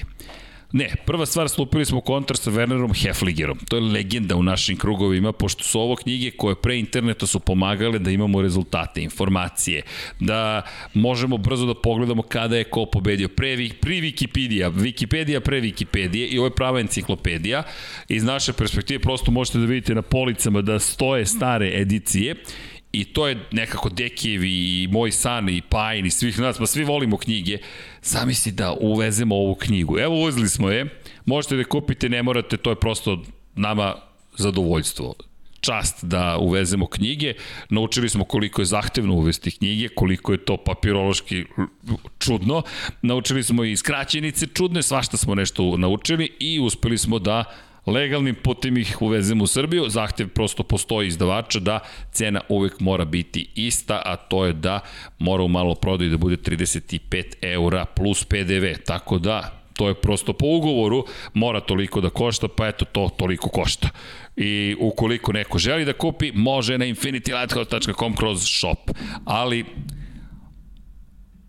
poenta jeste prosto u radosti. Ja moram da priznam da sam ponosan na celu ekipu, hvala posebno Dom Pablu koji se potrudio zaista oko ovog projekta, je čovjek je danima bistrio po papirima i svemu ostalom, tako da znate, eto imamo četiri stvari koje se prodaju u prodavnici, čemu služi prodavnica? Pa da, podržava sve ovo što vidite ovde i eto, to je prosto nešto što sam hteo da da napomenem kao radost jednu veliku. I vratno ćemo se još gnjaviti s time, ali... A tek ćete čuti. A, pa, oh, deki, kad ti progovoriš.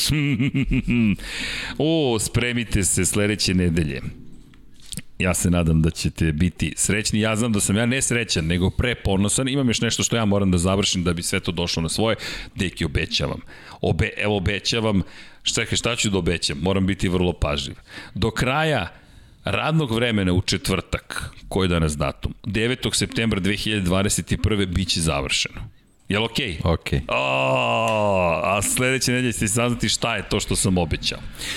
I tako nego da se mi vratimo pitanjima i World Superbike-u. Deki, ovo će biti sezona izgleda za pamćenje. Jedva čekam, Toprak je pokazao uh, zube. Pa ovo, ovo je ovaj, Troy Bayliss, ovaj, Colin Edwards.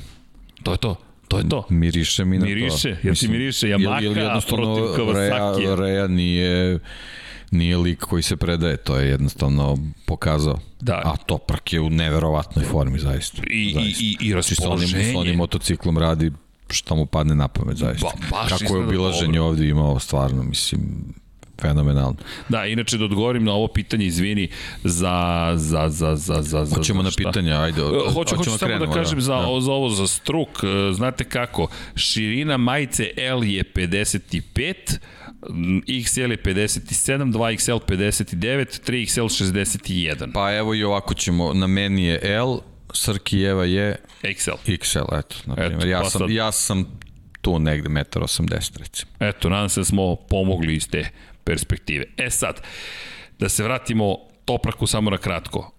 Odavno nismo imali drugog šampiona u Superbajku. Ovo je big deal. Ovo je vrlo velika stvar u svetskom šampionatu u Superbajku i potencijalna smena generacije. Ovo vam je na nivou Mihaela Schumachera neko skida sa trona, Luisa Hamiltona neko skida sa trona, Valentina Rosija neko skida sa trona, Marka Markeza Da, za ljude koji, koji baš vole Superbike, to je to. To je to. to, je to. I to lepo kaže, priča. evo ovde čovek kaže, Johnny je vanzemaljac svetskog šampionata u Superbajku, Zlatko Ilijevski Titan. Jeste. Jeste. Inače, plavi Johnny pita koja je razlika između Superbajka i Moto Grand Prix-a. Razlika je... Ah, razli, e, ukratko, MotoGP motori su prototipi. To je dakle kao, koja je razlika između prototipa i, i serijske proizvode? Ogromna. Ljudi, deluje da je Moto malo. Moto Grand Prix Formula 1. Tako je. To što tamo prave, ko, zašto se ne vidi da je to Formula 1? Zato što je oblik vozila vrlo sličan onome što vidite na ulici. Formula 1 je takvog oblika da osim ako ne vodite crossbow KTM-ov otprilike, nemate ništa što liči na formulu. Jednosede ne viđate u saobraćaju, čije, ali ne mogu da razviju brzinu da aerodinamika funkcioniše. Jednosed po prirodi. Tako je. Tako da, I vi ga da. vidite na, sta, na, na, na ulici, još kada Moto Grand Prix inspiriše, Racing Replika inspiriše neko, neko izdanje, onda ste na korak od Moto Grand Prix. Međutim, taj korak je Superbike. To je prosto kategorija koja je to je sad jedna duža priča, pričat ćemo i o njoj na, na Infinity Lighthouse-u, ali Superbike je preteča ovoga Moto Grand Prix-a. Nekada smo imali motore od 500 kubika, dvotaktne, sada je četvorotaktna kategorija, tako je predominantna, jedina koja suštinski postoji. E, Superbike je toliko bio popularan krajem 90-ih da je Honda toliko lobirala da se promene pravila, da je Moto Grand Prix postao četvorotaktni i od tog momenta je preoteo veliki deo i gledalaca i prosto pažnje koji imao Superbike koji je na dobrom putu bio da ugrozi MotoGP. Elem, čak i izmišljena Moto Grand Prix klasa da bi se brendirala, da bi postala robna marka. Došli su do toga da sada imaju istog vlasnika, isti investicioni fond, stoji Dorna upravlja jednim i drugim šampionatom, ali Superbike je motocikl koji je proizveden u serijskoj proizvodnji. Nekada smo, su morali da je proizvedu 25.000 primjeraka, ne znam po najnovim, ali to je značajno smanjeno da bi mogao veći broj prosto proizvođača da učestvuje. I Superbike u teoriji možete da kupite u salonu i onda da ga vi pripremite za trku. Ali, fabrike toliko ulažu da ono što vidite na stazi Superbajka je dosta daleko od onoga što možete da vozite na ulici, da ne govorimo o gumama koje priprema Pirelli posebno za ovaj šampionat. I s druge strane Moto Grand Prix gde, je, gde su multimilijonski budžeti posvećeni razvoju takve tehnologije da pobedite rivale izgradite robnu marku i razvijete tehnologiju koju ćete posle prebaciti u Superbike. Današnji, na primjer, Ducati Panigale, direktan proizvod Moto Grand Prix programa. Ironija je da su Moto Grand Prix odustali od te vrste konstrukcije, ali Superbike je nastavio da ih i dalje razvija. Tako da, eto, to su vam razlike. Deki je lepo rekao, MotoGP je Formula 1 motociklizma. E, kako bi bilo da pratimo na live priču o Schumacheru na Netflixu, predlaže Kimi. Pa ne znam, Deki. Samo ćemo te pozdraviti, Kimi. Kimi, ja smem da... Evo, Kimi, ako smem da kažem, ja bih pratio Infinity Lighthouse ja bih iskreno pratio Infinity Lighthouse i neka ostane na tome. Ako si subscriber... Ako si subscriber, ako, ako nisi nije, kimi, da. ostani subscriber, udrite notifikaciju, ja bih sledeću nedelju s pažnjom pratio na Infinity Lighthouse ali uspevam još uvek da ćutim. Pa vidite koliko nam znači da ja i dalje ćutim. Eto. Inače, Amir traži komentar o Maveriku Vinjalesu. 1-2. to je njegov broj, to je ceo komentar, ali dobro, da razumemo. Hoćemo majicu na koju su zagrani Deki i Vinjales, ipak je to velika ljubav. e, ali dobro, on je tvoj specijal. Očinska, očinska. Lep, lep zeleni i ovo belo i crvena majica pravimo jedan mali specijal. Da li mislite da je bolje da Marquez preskoči ostatak sezone da se spremi full za sledeću? Emilio Ničijević. Mm, mislim da ne, ne. Pa ja mislim da ne. Znate šta, hiper Moto Grand Prix je ovo sad. Ako propusti, bojim se da... No, on mora, mora da, da sedi na motociklu da ga da vozi ako, je. ako želi da nije... Ljudi, on je sada, ovo nisu više pirane, ovo, ovo, ovo se povećala se, ovo je sada Evo, krupna riba. Kračlo, eto, šest meseci samo odsustvo, čovjek ne može da se snađe, brži je nego, ponavljamo istu priču, Kračlo je brži nego ikada u svojoj karijeri, on je 18. On je na začelju, ljudi, on, je, on je samo Jakea Dixona pobedio. To je katastrofa, a nije katastrofa jednostavno brži. On je, po, najbrži krug mu je bio 1,1 sekundu brži od najbržeg kruga kada je stavio na pobjedničkom postolju u Moto Grand Prix. Besmislen je razvoj. Mi smo došli do onih nijansi u sprintu, da poredimo sa atletikom kraljicom sportova. Ako sada trče ako su trčali 9-8, na primjer, sada klinci trče 9-7-1, a vi trčite 9-7-7. E tih... Koja Safa Powell. E, to 0-0-6 vam je nema medalje, nema ni snimka, gde je završio osmi, nevažno. A, a on brz, a oni brzi, ljudi brzi. Tako da Marquez, mislim da ljudi ovo je prelomna faza. To je kao faza. da imate trku na 100 metara gde sva osmorica trče ispod 10 sekundi. Tako je. A ti si recimo osmi. I, i, i deluješ nevažno. A, da, to je, a to, je, to je to. To je za ljudsko telo jedan od najvećih, jedno od najvećih dostignuća. U ovom momentu, Mark Marquez vozi prelomne godine svoje karijere. Bukvalno prelomne. E, duboko sam verovao da kada se vratio na stazu da je potpuno fizički spreman. Sada već i znamo, po njegovom priznanju, intervju s Guardianom potražite fenomenalan je. Ovo je taj period kada Mark Marquez spašava ne svoju karijeru, njegova karijera je već uspešna, ali spašava potencijalnu legendu o tome da će doći do devete titule, preći 100 pobjede u karijeri. Veliko je pitanje da li će imati 100 pobjede u karijeri. Ljudi, on je na 83, to je još 17 pobjeda. Pred, Cela sezona, malte ne. Pre dve godine smo govorili, ok, to je pitanje godine kada će doći. Upozoravali smo tada da stvari nikad nisu tako lake. Gde da nađe sada 17? Evo, da li neko od vas vidi 17 pobjeda u naredne dve godine za Marka Markeza? Ja ih Koliko ne vidim. Koliko će Repsol Honda još da ga trpi? I to je ogromno pitanje uz svo dužno poštovanje i sve što je postigao. I on je verovatno brži nego što je bio, ali kao što smo rekli, ostali su se pomerili. I ako pauzira još više, to je katastrofa. I sad, a gde je sad Mark Marquez? Time što ne pauzira, teže je da se oporavi. A time što ne pauzira, ostaje u trendu, prati klince, prati konkurenciju, prati što ostali rade, priprema se za 2022. s nadom da će biti dovoljno cijela Honda i on dovoljno dobri da se bore za titulu šampiona sveta. Istovremeno, gleda šta radi Fabio Quartararo, šta radi Jorge Martin, pa konačno možda i Banjaja, Miller, Zarko. John Mir. John Mir, ne treba, ne John Mir je aktualni svetski šampion, ljudi. Tako je, on je svetski šampion. Opet, opet govorim, broj 1. Broj 1. Morao je da morao stavi, je da stavi, morao je da stavi broj 1 na motocikl. Evo, se. evo upravo ovo sad što si rekao, ti si ga zaboravio. Zaboravio sam ga. To je, zaboravio to sam. je meni ne, neverovatna stvar da, da neko nije seo i, i razmislio malo. Ljudi, Nisi ogroman... ti Valentino Rossi da, ili Mark Marquez. Tako je. Morao si staviš broj 1 na motocikl. Ti, tako je, ti tvoj broj 36 moraš da razmisliš. 46, instant asocijacija. 93, instant asocijacija. To je to. Evo, sad nešto razmišljamo o, o rivalima, pričali smo sad analiza Rosijeve karijere i tako dalje. I šta su asocijacije kada kažeš kengur u karijeri Valentino Rossi? Instant Casey Stoner. Kažeš rimski imperator, instant Max Bjađi. Kažeš, kažeš Spartanac, instant Jorge Lorenzo. I taj Casey Stoner je stavljao broj 1. Stavio, stavio je broj 1. Mark Marquez, pomisliš na mrava, instant asocijacija. Sete Gibernau, koja ti je asocijacija na Setea? Koja ti je asocijacija na Sete? Da. Samuraj mi je Dani Pedrosa, instant. Da, da, da. A Sete dve godine se ozbiljno borio protiv Valentina Rosija i nije uspeo. Šta, šta, ko, šta, evo, da, ko se seća, nemojte da gledate, koji broj je nosio Sete Gibernau? Evo, mi znamo, to nam je posao, ali evo, recite nam, da li se sećate? Tako da Marquez mora da vozi. Bukvalno mora. Pozdrav za celu ekipu iz Kaluđerice. Kakvu simboliku ima grb F1 na zadnjem delu motocikla Pramah tima. Pozdrav Milomire u Kaluđerici. Jednostavno je. dobili smo prvi grafit Lab 76 iz Kaluđerice. Tako, e, to moramo da odemo da se fotografišemo. Obavezno. Ljudi, Milomire, ako znate gde je grafit, recite nam, mi moramo tamo da odemo. Moramo da dođemo da se fotografišemo i hvala na tom radu. Sad, to je urbana umetnost, molim vas, malo, malo anarhija. Ali, da, veliki. I koja je simbolika? Pramak, Lamborghini i Formula 1. Šta im je zajedničko? Evo, da vam pomognemo. Ko je, da li, u stvari, da, da, da skratimo, Stefano Domenicali čovek koji je nekada vodio tim Ferrarija, potom je otišao i vodio Lamborghini, Lamborghini koji je vrlo blizak sa, čudno mi čuda, Ducatijem, pa, to jest Audije, Audijem, da. to jest Volkswagen. Audi je vlasnik. Audi je vlasnik Ducatija. Da. A vlasnik Audija je Volkswagen, koji je vlasnik Lamborghinija. A Stefano Domenicali je novi izvršni direktor Formule 1.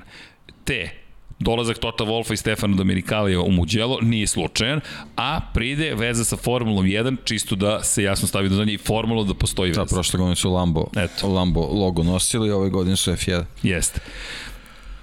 Može, uh, nešto Manuelu Gonzalesu, Hadžić Miloška, uh, tra, uh, samo par stvari pre toga. A malo pre sam video Rabatov incident i strašno mi je bilo kada se vidio i čuje kako je vrištao Miha GP1. Želim da se samo osvrem na kratko, na kratko o, o, na, na to. Da, to je jedan od onih momenta koji su koji su koje pamtimo, nažalost, na jedan pogrešan način. Ceo taj vikend pamtimo, ali mi govorimo o, o mi govorimo zapravo o nečemu što je baš splet nesrećnih okolnosti. Ali taj incident, to vrištanje je dovelo do toga da i trka bude otkazana te godine. I mislim da su potpuno ispravno postupili u Moto Grand Prix. Drenaža je bila katastrofalna, katastrofalna iz perspektive onoga što je neophodno za, za bezbednu trku motociklizma i odustali su, sredili su drenažu do naredne godine, nismo imali test vremenski još takav, ali da, taj Rabatov moment predoživio prelom inače butne kosti, i suštinski se nikada nije oporavio. Jednostavno, to mi je, to mi je nesrećni, splet nesrećnih okolnosti. Ne znam šta bih drugo dodao, jednostavno radi se o tome da da je znate kako, ovo su opasni sportovi, ali ono što je srećna okolnost živi Zaista to mora tako da ja ja to tako gledam iz perspektive karijere mnogo mi žao, ali Tito Rabat živ da on da funkcioniše karijeru. Mislim, tako je. Da, to je, I to je sve okej, okay, ali jednostavno da nažalost nikad se nije vratio u formu u kojoj je bio. Vozit će svoje motore i, i to je ono što je divno. E sad, pitanje e, koje sam pretenje pro... Manuel Gonzalez.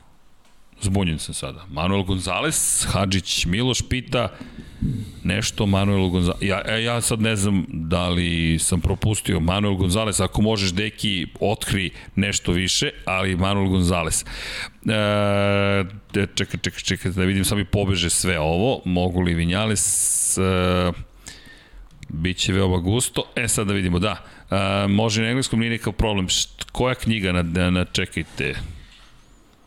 Propustio sam koliko... Autobiografija Kimijeva. Ja A, Kimijeva? Da.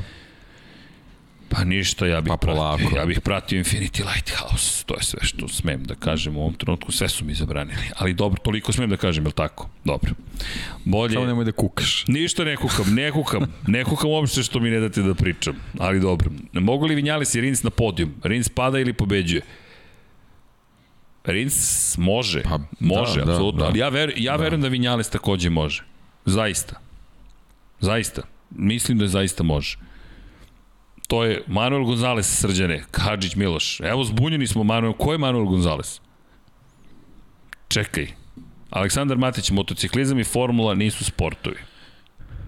Mm, ne slažem se, ozbiljni su sportovi u pitanju, kompleksni, kombinacija... Potrebno je obrazloženje za, za takvu konstataciju. Da, može. Manuel Gonzalez jednako Maverick Vinales. Zaista? Ok, sad smo zbunjeni. Deki i ja smo očigledno propustili tu lekciju. Čekaj da vidim Manuel Gonzalez. Manuel Gonzalez, našao sam Manuel Gonzaulas, teksaski ranger. Ok, član čovek koji je bio major u meksičkoj vojsci. Evo, pomozite nam.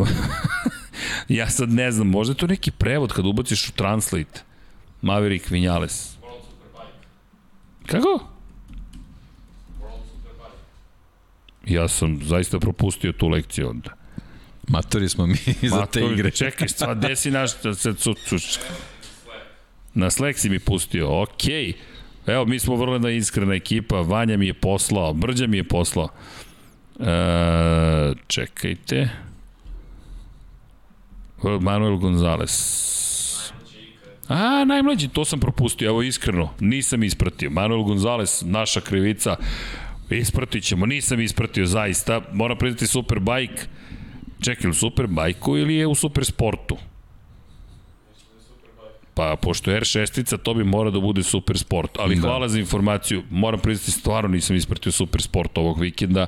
Toliko sam pratio Topraka i Johnny Areu da nisam ispratio super sport. Ne zamerite.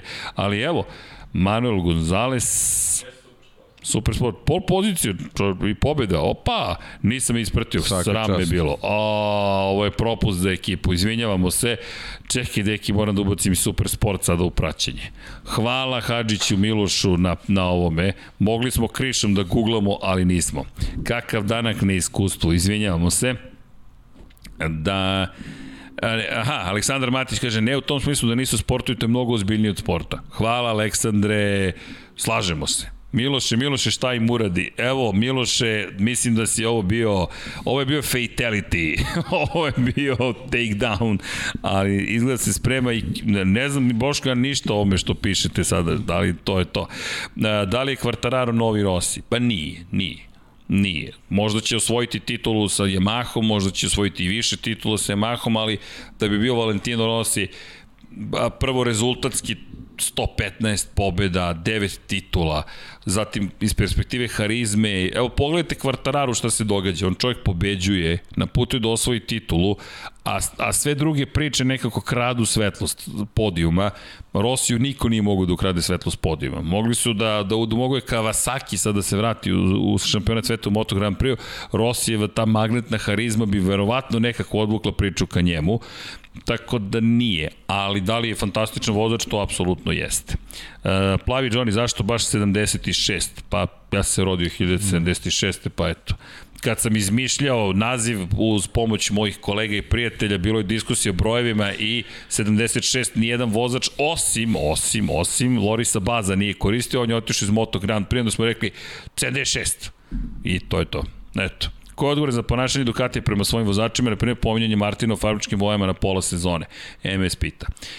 Pa, odgovoran je Luigi Dalinja. On je, on je bukvalno veliki šef sportskog programa Ducatija i to je bukvalno njegova, njegova odgovornost. Vinjales bio dobar, Rosija bio glavna priča, takav se jednom rađa. Amir, ok, razumeli smo Amire.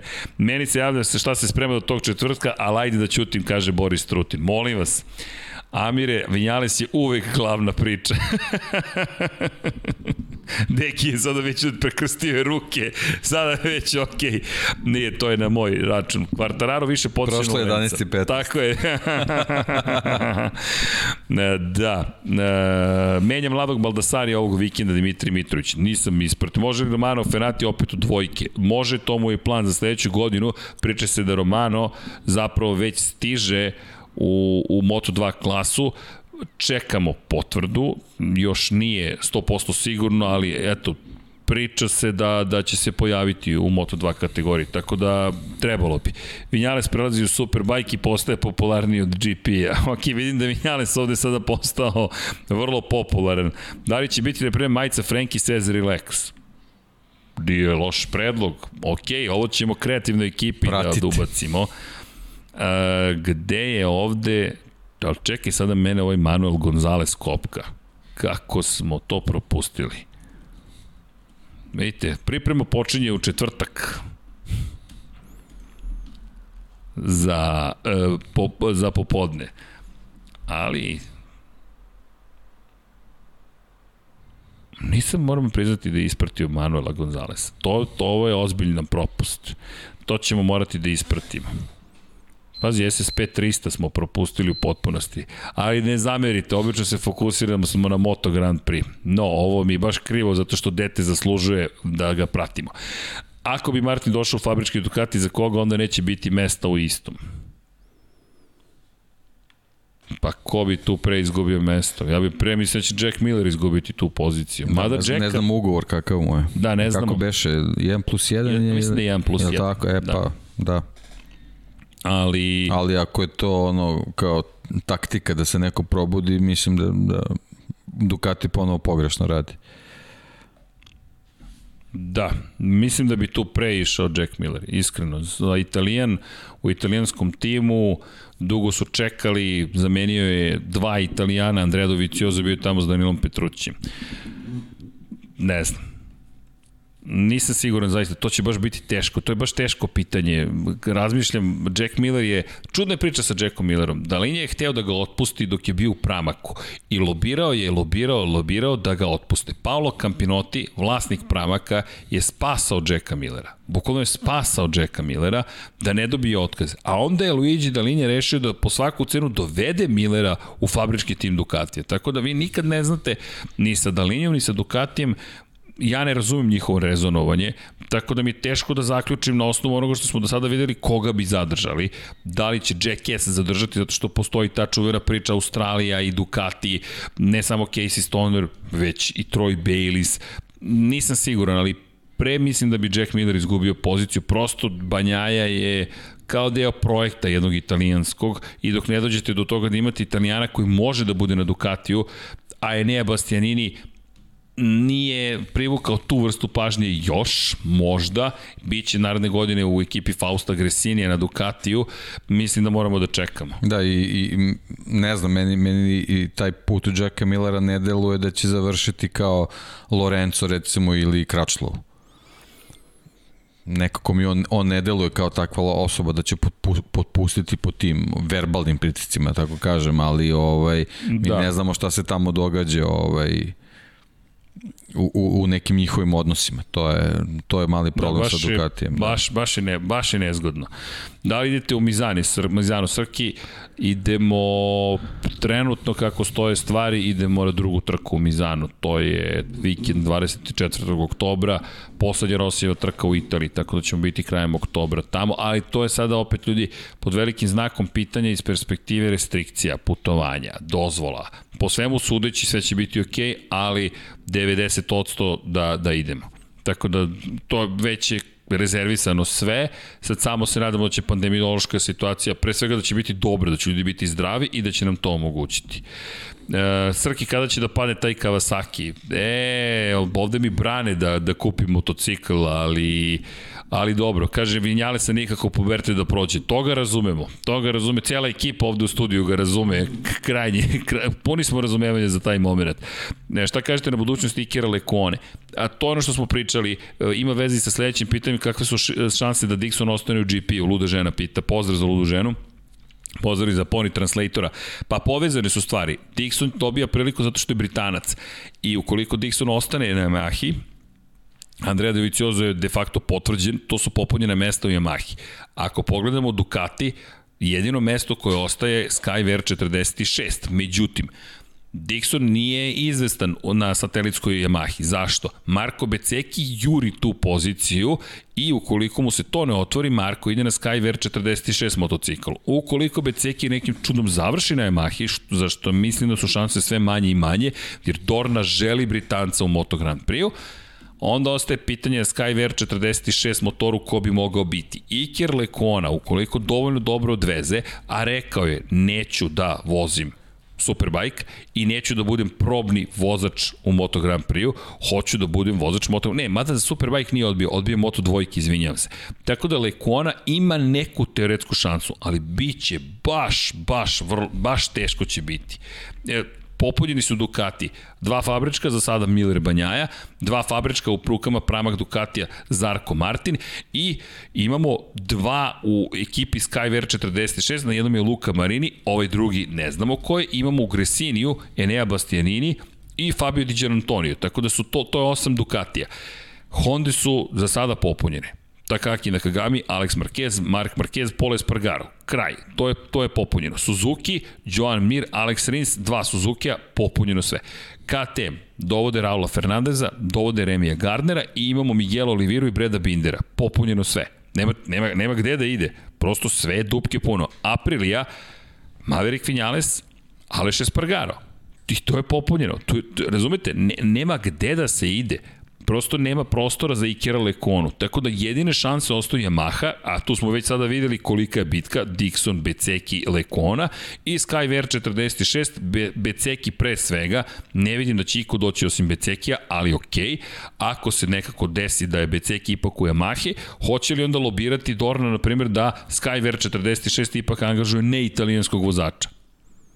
teško, a opet poznajući Skyver 46 koji insistira na italijanskom italijanskom vozaču prosto, Beceki mi djeluje kao jedino preostalo rešenje. Ne vidim deki nijednog italijana još da može da dođe. Rossi je već rekao idem u penziju, neću sedeti na mom na Ducatiju, prosto smatra da to nije u redu, ni prema Yamahi i generalno da je prosto njegov izbor da sada završi svoju karijeru. Konačno postaće tata, tako da ne vidim Lekoninu šansu ovde i ukoliko ne dobiju Moto Grand Prix u priliku, mislim da jedino što bi na osnovu njegovih reči prihvatio bio Superbike. A Gerrit Gerlof ne blista u ovom trenutku. Da. Tako da, ko zna šta može sve da se otvori. Hvala na odgovor, znam gde je grafit, ja sam jedan od dvojica ljudi koji su ga radili, tako da ste uvek dobrodošli. To Milomire, hvala. Javite se nekako, lab76 at infinitylighthouse.com da se organizujete. Da se organizujemo. Komenta, komentar o Topraku i World Superbike-u, to smo malo predali baš, da je zakuvala se sezona, bit će tamo zabavno. Miroslav Cvetić koji je gledao dokumentarac u dobio zna kakvu atmosferu Ducatijevi garaži. To je dobar, pogledajte taj Undaunted se zove, na Red Bull TV-u možete da nađete, samo da vidim da li može da se vidi negde, Red Bull TV Undaunted, E, sad ćemo da vidimo. Evo, šaljemo vam link, ali nemojte odmah da idete da gledate. Ovo je super film, super dokumentarac, zaista topla preporuka da ga pogledate. E, vidi se dosta kako komuniciraju i, i, i ono što je super, ništa nije tu sakriveno. Pri čemu Doviciozo koji je svojevremeno pisao unemployed na svojim, na svojim zaštitnom kombinizonu i tako dalje. Hvala, veliki pozdrav vas, Luda žena kaže hvala vama. Da li Martin može do titula 2022. Vladimir Darić? Ja verujem da može. Ja zaista verujem da može. Mnogo su važne sadašnje trke.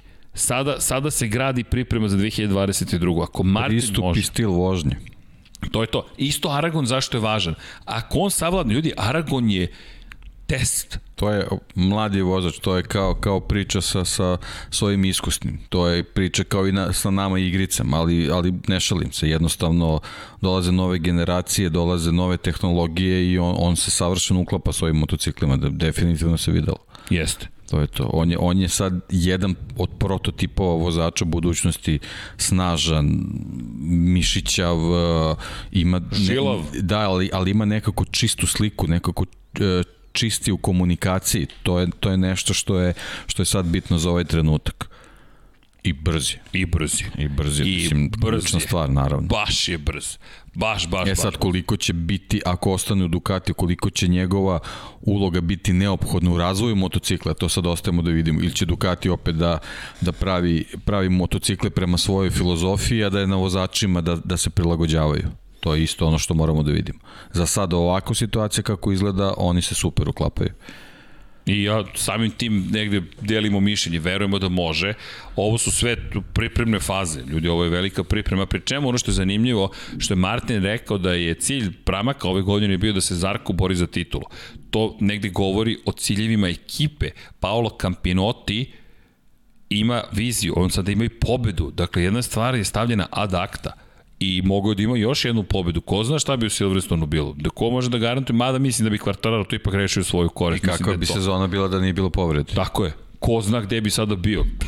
teki kada pogledaš možda peto, šesto, treće, četvrto mesto. Pa, dobro, računaš na nekih 30 bodova sigurno možda. Sigurno. Možda, da.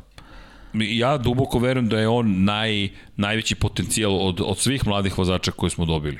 Kombinacija Pramak, Ducati, Martin da je to ta kombinacija koja može da donese uspeh. Inače da, Belmondo, nismo spomenuli Jean-Paula Belmonda, napustio nas još jedan velikan zaista, Jean-Paul Belmondo, francuski glumac, legenda, šmeker iz jedne perspektive, neko koji je te ikonične slike ostavio iza sebe, čovek koji naravno da je bio na motociklu. Kako da, kako kako čovek drugačije. iz Rija pa Čo, da, čovek da. iz Rija tako je tako da, da. Čovek koji je obeležio ima neka dva tri onako kultna kadra Provlače se te slike, da. Jeste, tako da nekako smo to propustili, ali zaslužuje omaž Jean-Paul Belmondo i opet pričamo isto jedan lep život. Nekako te slike, izvinite, tih Naravno. Moto, tih motocikala iz čoveka iz Rija su mi paralela sa Steve McQueenom, onako, Amerika, Evropa, Jeste, to su ti neki, e, to je to. neki profili, da. I naravno do poslednjeg daha. Jeste. Pogledajte te stare filmove isto, kad imate vremena takozvani novi talas. Da koji se bio pojavio sa Jean-Paulom Belmondom i... Stari, ne filmovi, s... stari filmovi novog talasa. pa dobro, neko bi da. bio novi talas. Nije, čak i mi smo bili e, tek negde u najavi, u planovima nekim, kada, kada je Jean-Paul Belmondo počeo da menja svet, ali e, jeste, pogotovo čovek iz Rija, ja, iz ove perspektive onoga što mi radimo, nešto što zaslužuje pažnju. I hvala na podsjetniku ko je napisao Belmondo, da vidim Belmondo, Belmondo, Belmondo, Dimitrij Mitrović. Hvala Dimitrije. Zaista, zaslužuje, zaslužuje da se spomene i eto, pogledajte, to je i lepo podsjetnik malo da se, da se vide neke stvari koje su uticale na kulturu, koje, pa svi smo mi rezultat cele te jedne kulture, da li na lokalnom, regionalnom, državnom, ne znam, panevropskom, globalnom nivou, ali Jean-Paul Belmondo ima ogroman uticaj iz te perspektive na, na, na, pa i kao što kažeš, na slike koje idu svetu i, i, i jeste neko ko zaslužuje ozbiljan omaš, tako da hvala. Inače, Jean-Paul Belmondo, to je šala, neka sad ne zamerite, neko da ste privatno, moj brat se zove Ivan, tata mi se zove Pavle i onda su mene zezali kao klince, do, pošto Jean-Paul i sad Pa, ko sam ja? Pa, ti si Belmondo, kao, okej, okay, utešna nagrada, nisam ja razumem što oni meni govore. I znaš gde su me još zezali? Juan Pablo Montoya, Ivan Pavle Montoya. Rekao, ok, to ću da prihvatim na keca. Tako je to bilo zabavno. Ali da, pamtimo Jean Paula Belmonda. Hvala na tom. Za Deki je pitanje njegov tip za Akropolis Rally. Uh. Uh. Mnogo mi je drago što se vratio i tu je onako razmišljanje koliko je to težak reli. Ko, koje su to lomljave automobila bilo, to, to, to, je, to je neverovatno. Ja ne, ne znam stvarno. Ovaj. Jedino sad ove nove generacije automobila nekako ne zahtevaju sa te neke posebne pripreme u tim setupovima. To se sad toliko ni ne vidi koliko se ranije videlo, koliko su morali da, da ih spremaju. Uh, Ne znam, re, recimo Tanak, od Tanak, on mi je nekako onako ekstreman za, za, za, za te neke priče, recimo, ili, ili. recimo, da. Ili, da, ili, da. ja mislim da je da, kod da. Tanaka ili, ili, da će da, to da, da, da bude. Da, samo što mi nekako Hyundai su mi nekako osetljivi za tim Nisam sigurno će da izdrži pa iskreno. Pa njihovo gibljenje i na, i na, baš te gledam. Da, ali, ali, ajde, ajde, neka, neka bude Tanak, neka bude on, da. Ovaj, ako, ako, okay. ako gibljenje izdrži, eto, to je to. Meni miriše na francusku aferu, ali ok, to nek, samo nek, nek bude, on, ovaj, vole, voleo bih da, da, on, ovaj, da se vrati. Inače, Zlatko Ilijevski Tajta kaže, Johan je sada na redu za pobedu u Pramaku. Ej, ljudi, bilo bi super da, da, da, da Zarko pobedi. Da bilo bi super... Ja ponavljam, pramak, pramak pre fabrike. Apsolutno. Ponovo, ponovo. Ne znam zašto, Absolutno. ali ovo je jednostavno tako mi nekako i, i, i, i zbog, zbog Martina tako kako jeste i zbog Zarka, eto to što si rekao i te njegove pripreme i načina kako je dolazi u Aragon i, i to sve, ovaj, nekako mi je to, to neka zdravija priča za, za bolje plasma. Nemam pojma, ne, ne znam uopšte zašto imam takav osjećaj, lajte. Vidi, osjećaj, ja mislim da je zasnovan na svemu što smo videli do sada. Ozbiljnije rade, koherentnije rade, imaju pobedu sa Novajlijom, imaju Zarka koji je bolje plasiran u šampionatu sveta od ostalih, pa prosto i rezultati već govore prilog tome da Pramak mnogo bolje iskoristio ovu godinu. Prosto to se vidi. A, zašto mislim da bi bilo super za Zarka? Ajmo emotivno prva pobjeda u Moto Grand Prix. To je uvek divno videti. Druga stvar, dajte da vidimo više salta unazad, odakle, od kad ga nismo videli u Moto 2 klase. Ne zaboravimo, to je čovek koji, Deki priča o tome, nema više specijaliste za Moto 2 klasu. Mnogo poštujem, možda je to bilo silnom prilika, ali mnogo poštujem što je Zarko branio svoju titulu u Moto 2 klasi i što ju je odbranio. To je velika stvar. Biti jednom šampion je jedna stvar. Biti dva puta šampion je druga stvar. Četvrta je stvar biti šampion godinu za godinom. To su potpuno druge dimenzije i Zarko se tu ne dokazao. Zarko je tu samo potvrdio još jednom koliko bi... Karl Kravčov je za njega u 125 kubika govorio, ovaj klinac treba da dobije Moto Grand Prix motocikl. Tad je bio klinac. Posle jedva ušao u Moto Grand Prix kao jedan od starijih vozača sa 27 godina. Zamislite da zabeleži pobedu kakav psihološki moment za Zarka i iz perspektive šampionata sledeće godine, a da ne govorimo o interesovanju u Francuskoj za Moto Grand Prix. Imate Fabija Kvartarara koji vodi u šampionatu sveta i imate Zarka koji počeo da pobeđuje. Briljantno. Ne smijem da zamislim Le Mans sledeće godine kada budu došli i kada budu bile, bile pune tribine. Lepo je vidjeti pune tribine. E, drži se leda i vatre. Neko Neko kaže, ko šiša Belmonda? Pa, mi. Zato što nam je stalo do nekih ljudi koji su obeležili neki period, prosto jednostavno to su neke stvari koje ja smatram da treba spomenuti. I to je to. Prosto to su ljudi koji su sticam okolnosti bili u oku javnosti. Svaki život je naravno podjednako važan, ali prosto neki ljudi su uspeli Zahvaljujući. Pa onda generalno, ako tako gledamo sve ovo što pričamo, onda nema smisla. Pa ništa nema smisla. Ni, ni, ni jedna da. osoba nema smisla. Tako, Tako da, mi ćemo to nastaviti da radimo. Tako je. Da, koliko težina ima Mirova titula ako nije bilo MM93, Rosije koji je već duže u penziji, marketing je drugo, i Dovija koji nije bio motivisan prošle godine. Pa ima težinu zato što se trebalo prilagoditi situaciji. I Bilo je teško. Svi su imali istu priču da su bukvalno za, za dve nedelje morali se spremati za početak šampionata i manje, čini mi se. Tako da ima, ima težinu. Ima težinu. Da, da. Nije, nije to bila samo čista borba na stazi, svašta, je tu, svašta se tu dešavalo oko organizacije šampionata, oko organizacije ekipa, pripreme vozača i tako dalje, tako dalje, tako da iz tog ugla ima težinu. E, Tom Luti je večni Moto2, Boris Trut. Da, da, e, pa jeste, da, jeste. Da, ima, jeste, ima tih, da. Jeste, da. jeste, ali, ali je ali mnogo lepo da, da lepo ne, me, meni se sviđa to što je Tom Luti sve i, i radio i pretorio preko glave i što sada ostaje da bude trener klincima Moto3 klasi i ide u zasluženu penziju i to je to je, to je lepo. Bio je Paul, Paul Memondo u F1, ali nije onaj glumac. A Paul Memondo je sin Jean-Paul Belmondo. To, to, to, to, da, to, to. Da, da, da bio je, čini mi se, dve sezone, mislim da je vozio Pacific ili tako neku ekipu i nažalost ja ne znam, ako je dve sezone, to je nekih ta 30-ak trka može se kvalifikovao za 5, 6, 7. to je to je to je njegov učinak, ali je dobro. Posle on imao imao i svoju svoju ekipu u, u 24 sata Le Mans, mislim se zvala Paul Belmondo Racing, ba, baš tako je. Ovaj. Vozio on dosta dugo, onako klasičan francuski zaljubljenik u, u autom, automobilizam, naravno, eto, ima, je, ima je i mogućnosti da, da učestvuje u tome verovatno ispunio i svoja i, i naše snove, verovatno bismo i mi tako da smo imali prilike i mogućnosti ali u svakom slučaju Paul Belmondo, sin Jean-Paul Belmondo. Unuk Paula Belmondo, čuvenog skulptora. Da, Čisto da, da znate, da, da, porodica da. koja je bila hiperaktivna po pitanju kulture i umetnosti. A, živa pokretna enciklopedija, gospodin naravno Dejan Dobro, Potkonjak. to su ta neka vremena kad sam ja to baš onako pratio. da, da, da, Pol, to, je, da. to su počeci, tamo 92. četvrta, pa, peta. tako, da, da, da, to je to. Po, profesionalni početci. Profesionalni, da, da, da, da. O, o, tome, o tome ni ne govorimo.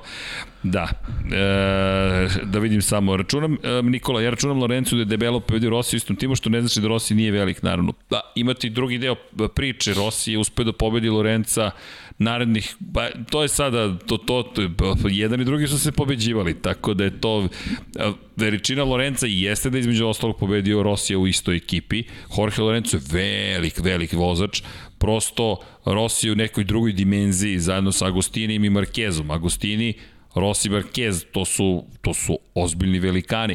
Marquez, međutim, juri taj priključak sada, jedine dve osobe koje imaju više od 100 pobjeda u istoriji sporta su Giacomo Agostini i Valentino Rossi. 15 titula šampiona sveta ima Giacomo, 9 ima Rossi, 12 plus 1, to je 13 titula ima legendarni Angel Nieto, ali Angel Nieto je vozio samo niže kategorije. Što ipak stvari čini malo drugačijim. Kraljevska kategorija je kraljevska kategorija. I zašto Markeza zato stavljam ispred Angela Nijeta, baš zato što ima šest titula šampiona sveta u kraljevskoj klasi. To su redki, redki vozači. Da, Deki je gledao, Deki je još gleda, gledao crno-bele filmove. Deki je moj crno-beli televizor, ako ćemo tako. Nemojte vi sada Moj prvi kolor televizor je bio verovatno u trenutku kad je Srki učio da hode, znači negde 77. otprilike. U, pa tako, ne znam da, to, da, imao sam godinu sad. Pa tu, tako. Oktobru sam rođen, možda. Da, da, da, bauljao sam, bauljao, pričao tak, sam to svako. Tako da, Nemojte Tako me je. pocenjujete po tom pitanju. Da, da i Nikola, nije sve u rezultatima, Casey Stoner je velika veličina, apsolutno. Naravno. Ne, ne, ne, da, samo da se razumemo, svi su oni veličine, mi sada samo govorimo o nečemu što je toliko redko, potrebno mi sreće, potrebno mi sve okolnosti da se poklope, da se zato divimo kada neko uspe u tome. Casey Stoner, dve titule, dva različita motora, pre čemu na Ducatiju niko još nije osvojio titulu, jedva su uspeli titulu šampiona konstruktora prošle godine da osvoje, a da ne govorimo što od Casey Stonera do 2016. Andreja Janone u Austriji niko nije zabeležio pobedu na Ducatiju. To je period agonije za Ducati agonije, uključujući dve godine Valentina Rosija na, na, na Ducatiju. Da li je Pedra Kostu pojao pritisak i popularnost?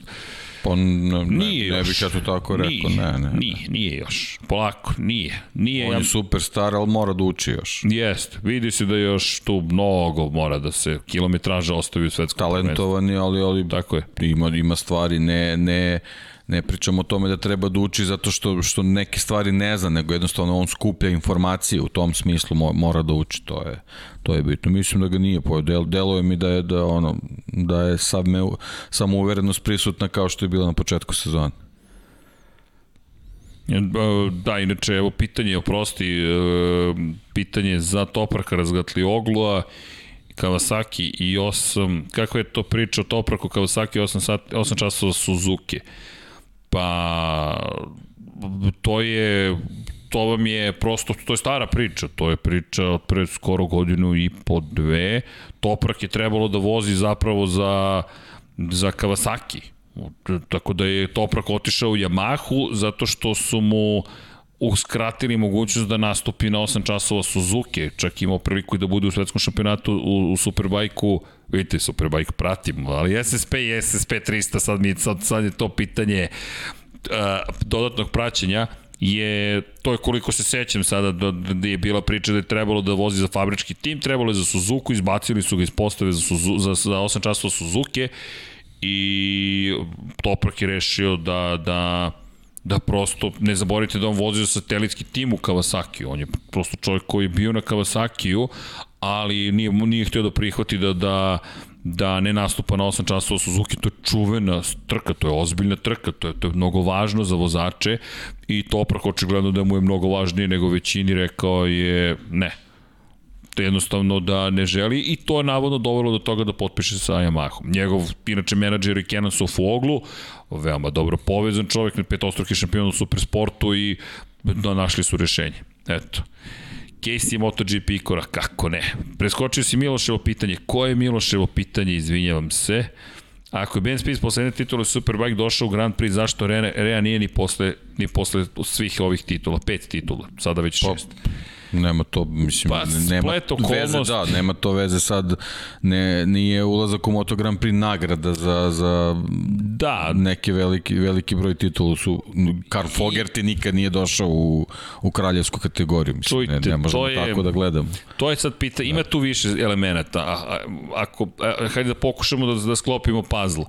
Johnny Rea je jednom vozio za Honda u Motor Grand Prix motocikl. Nikad nije dobio pravu ponudu. Nikad. Jednostavno nikomu nije dao ponudu. Kada je počeo da osvaja titule sa Suzukijem, već je bio određenim godinama. I sad, hoćete da vozite za Kawasaki i osvajate titule i budete legenda Superbajka, ili ćete da tražite mesto u satelitskom timu, jer i dalje ni nikomu nije ponudio, a Kawasaki nema tim u Moto Grand Prix-u, nije mu ponudio otvorena vrata. Yamaha ga nije zvala u svoj fabrički tim. Nije ga zvala. Honda ga nije zvala u svoj fabrički tim. Marquez Pedrosa u to vreme Nema, zatvorena su ta vrata. A ne zaboravite, tada niste imali 19 fabričkih motora. Najveća šansa i njemu bila da dođe u neki satelitski tim i nada se da je dovoljno dobar da mu neko otvori vrata pod njegove stare dane, uslovničano stare dane, da uđe u fabrički tim. Ducati ga nije zvao u svoje redove, u fabrički tim, imali su Andreu Dovicioza kao glavnog vozača, doveli Jorge, to je tada, to, to je, nije baš odmah došao Jorge Lorenzo, ali su imali Andreju Janonea, imali su svoj tim na koji su se oslanjali. A to su jedina tri tima u tom momentu na koje vi možete ozbiljno da računate. Suzuki, je tek pravio svoj program, zašto bi Johnny Rea došao u Suzuki, a nisu ga ni zvali, pri čemu je Davide Brivi insistirao na mlađim vozačima, nije hteo da angažuje Joana Zarka zato što ima 26 godine pa je doveo Aleksa Rinsa, a kamoli da dovodi u tom momentu Johnny Reu iz Superbajka, a ima vozač iz Moto Grand Prix-a. Zatim Aprilia koja je u tom momentu koristila zapravo svoj Superbike motocikl kao osnovu za Moto Grand Prix program i bila svetlosnu godinu iza svih. KTM je tek počinjao svoj program da razvija i dođete u situaciju, čekaj, gde ja, gde ja da idem? Pa dobro, ali plus i njegovi planovi. Tako je, ne, ne, e, samo kažem, prvo to, a njegov plan, verujem da je bolji bio da ostaneš u Superbajku i zaista se boriš za titulu šampiona sveta. U njemu je karijera procvetala. Da li bismo... Sim, apsolutno. Da je osvojio jednu titulu u Superbajku. Da li bismo... Pog, izvinjam se, i sad, naravno. pošto smo spomenuli Bena Spisa, gde je Ben Spies završio posle Moto Grand Prix. Tako je. A da je ostao u Superbajku? Upravo to. Zamisli da se osvojio, a da je Johnny Rea osvojio jednu titulu. To bi bilo još jedno ime na spisku. Koliko god da je velika ta titula, to je još jedno da. ime. Kad osvojiš dve, ok, sad se tu stvari menjaju. Tri, ok, ovo je sada već na nivou legendarnog statusa.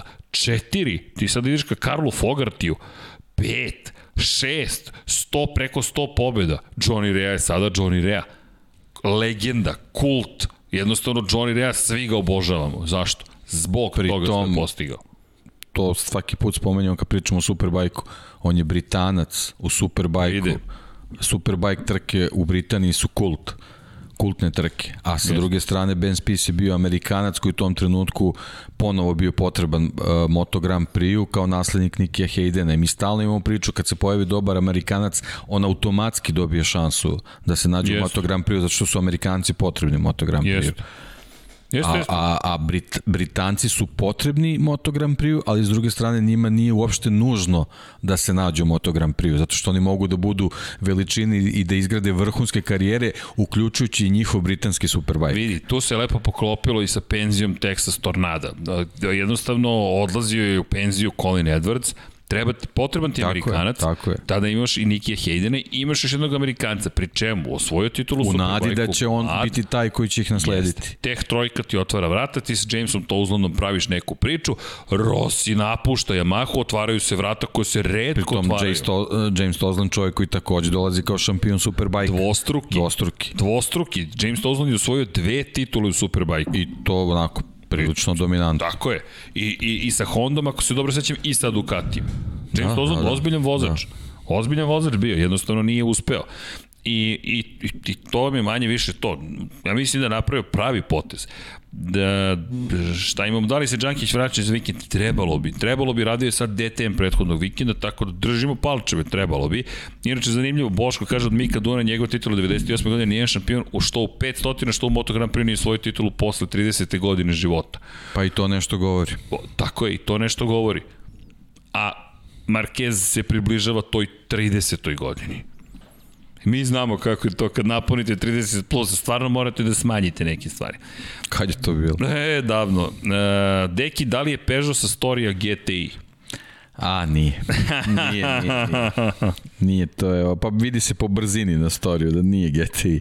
To je jedan, jedan poseban Peugeot ovaj, koji iskreno se nadam da će doći u situaciju da bude restauriran. E, stvarno? Stvarno. O, Pimp My Ride? Ne, ne, ne, fabričko stanje. Dobro, ali... To bih, to bih volao da bude. Pa, to ćemo da snimamo. Ok. Zašto da ne? Evo, nisam, nisi mi ni rekao. Pa dobro. A, ima pitanje, čiji su lančanici?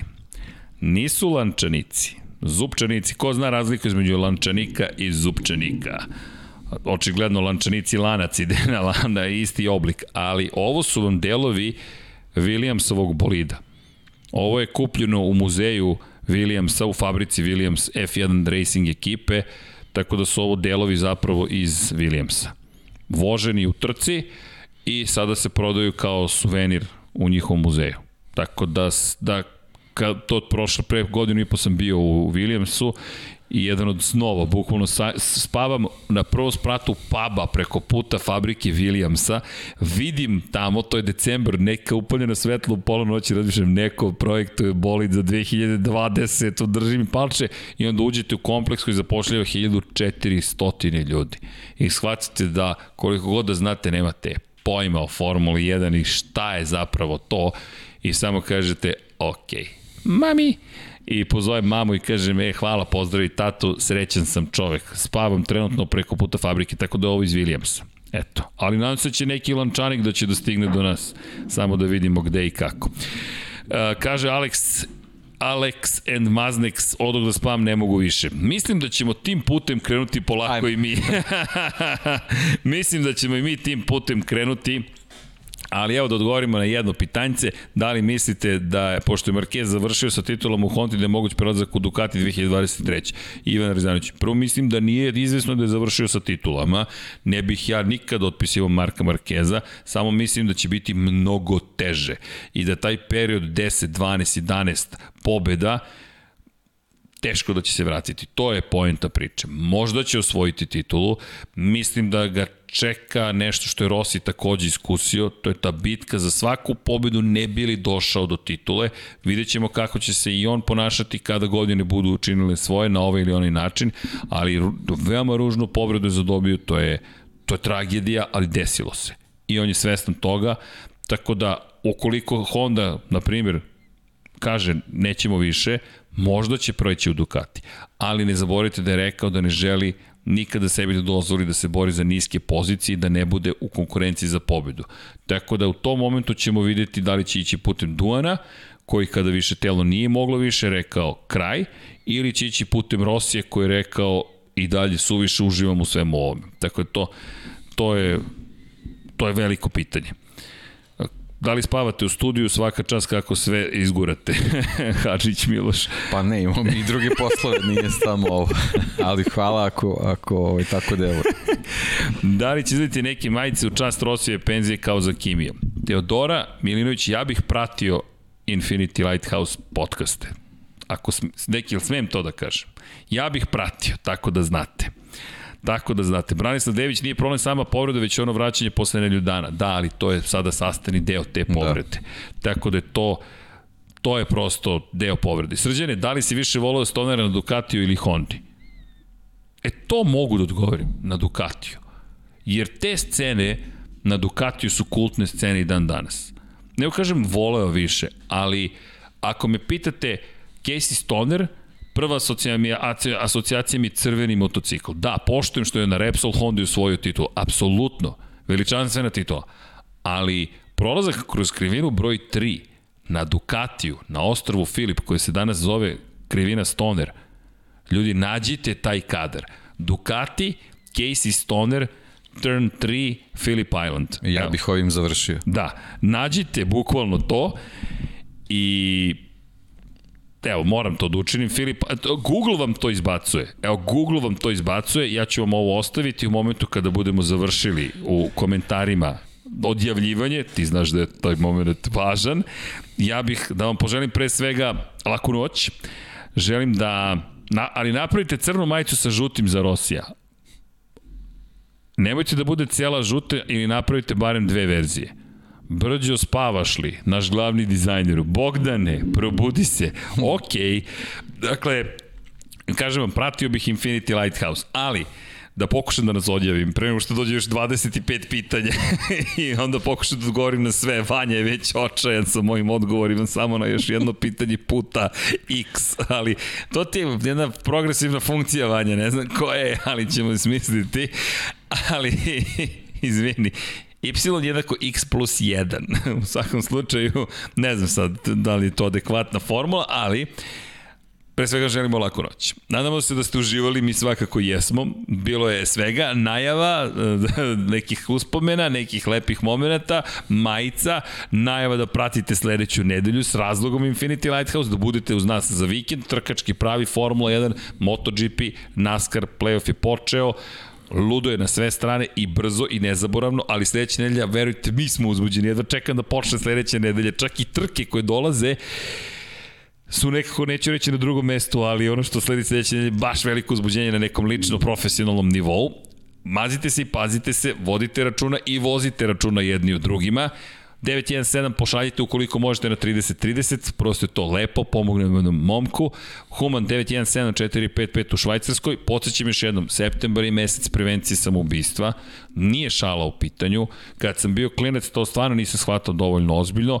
Nažalost, svi se nađemo u nekim situacijama u kojima ste u depresiji ili na nivou da, da ne znate ni zašto ni kako, verujte, prošao sam ja kroz te faze, nisam imao pojma šta ću sa sobom ili neću sa sobom, nije mi palo na pamet da, da ne budem tu sutra, ali bilo je baš teško, niste sami, nikada niste sami, u krajem slučaju palite YouTube, Infinity Lighthouse je tu, nadamo se da vas bar zabavljamo ako ništa drugo, svakako svoju ljubav prema svemu ovome delimo i znajte, tu smo, to je ekipa, tako da imate vide, imate nešto, imate Twitter, imate Instagram, imate milijon nekih mogućnosti, niste sami.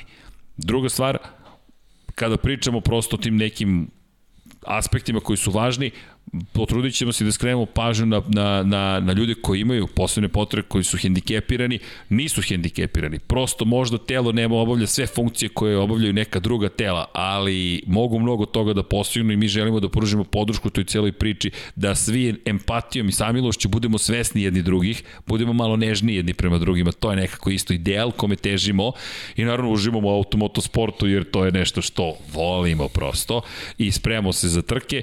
Još jednom, Vozite računa jedni u drugima, pratite Infinity Lighthouse, udrite subscribe ukoliko već, ukoliko već niste subscriber, idemo ka 10.000, to je nam onako uzbudljivo, 10.000 obrtaja, u, možemo to, ja, 10.000, ja, Bogdane, morat ćeš da menjaš post kada slavimo 10.000, tako da, znaš, nije trebalo da me ostavite budnim posle ponoći, deki se smeje, znaš šta to znači, ali, Ja se nadam da ćemo uspeti da uhvatimo nekoliko sati sna i nastavimo dalje. 99 yardi u petak, a umeđu vremenu i Formula 1 i Moto Grand Prix i naravno moji dragi prijatelji i negde tu i Dom Pablo, ja se nadam. Želim vam još jednom laku noć i naravno ime cele ekipe Infinity Lighthouse-a šaljemo more ljubavi i kažemo ćao svima. Ćao.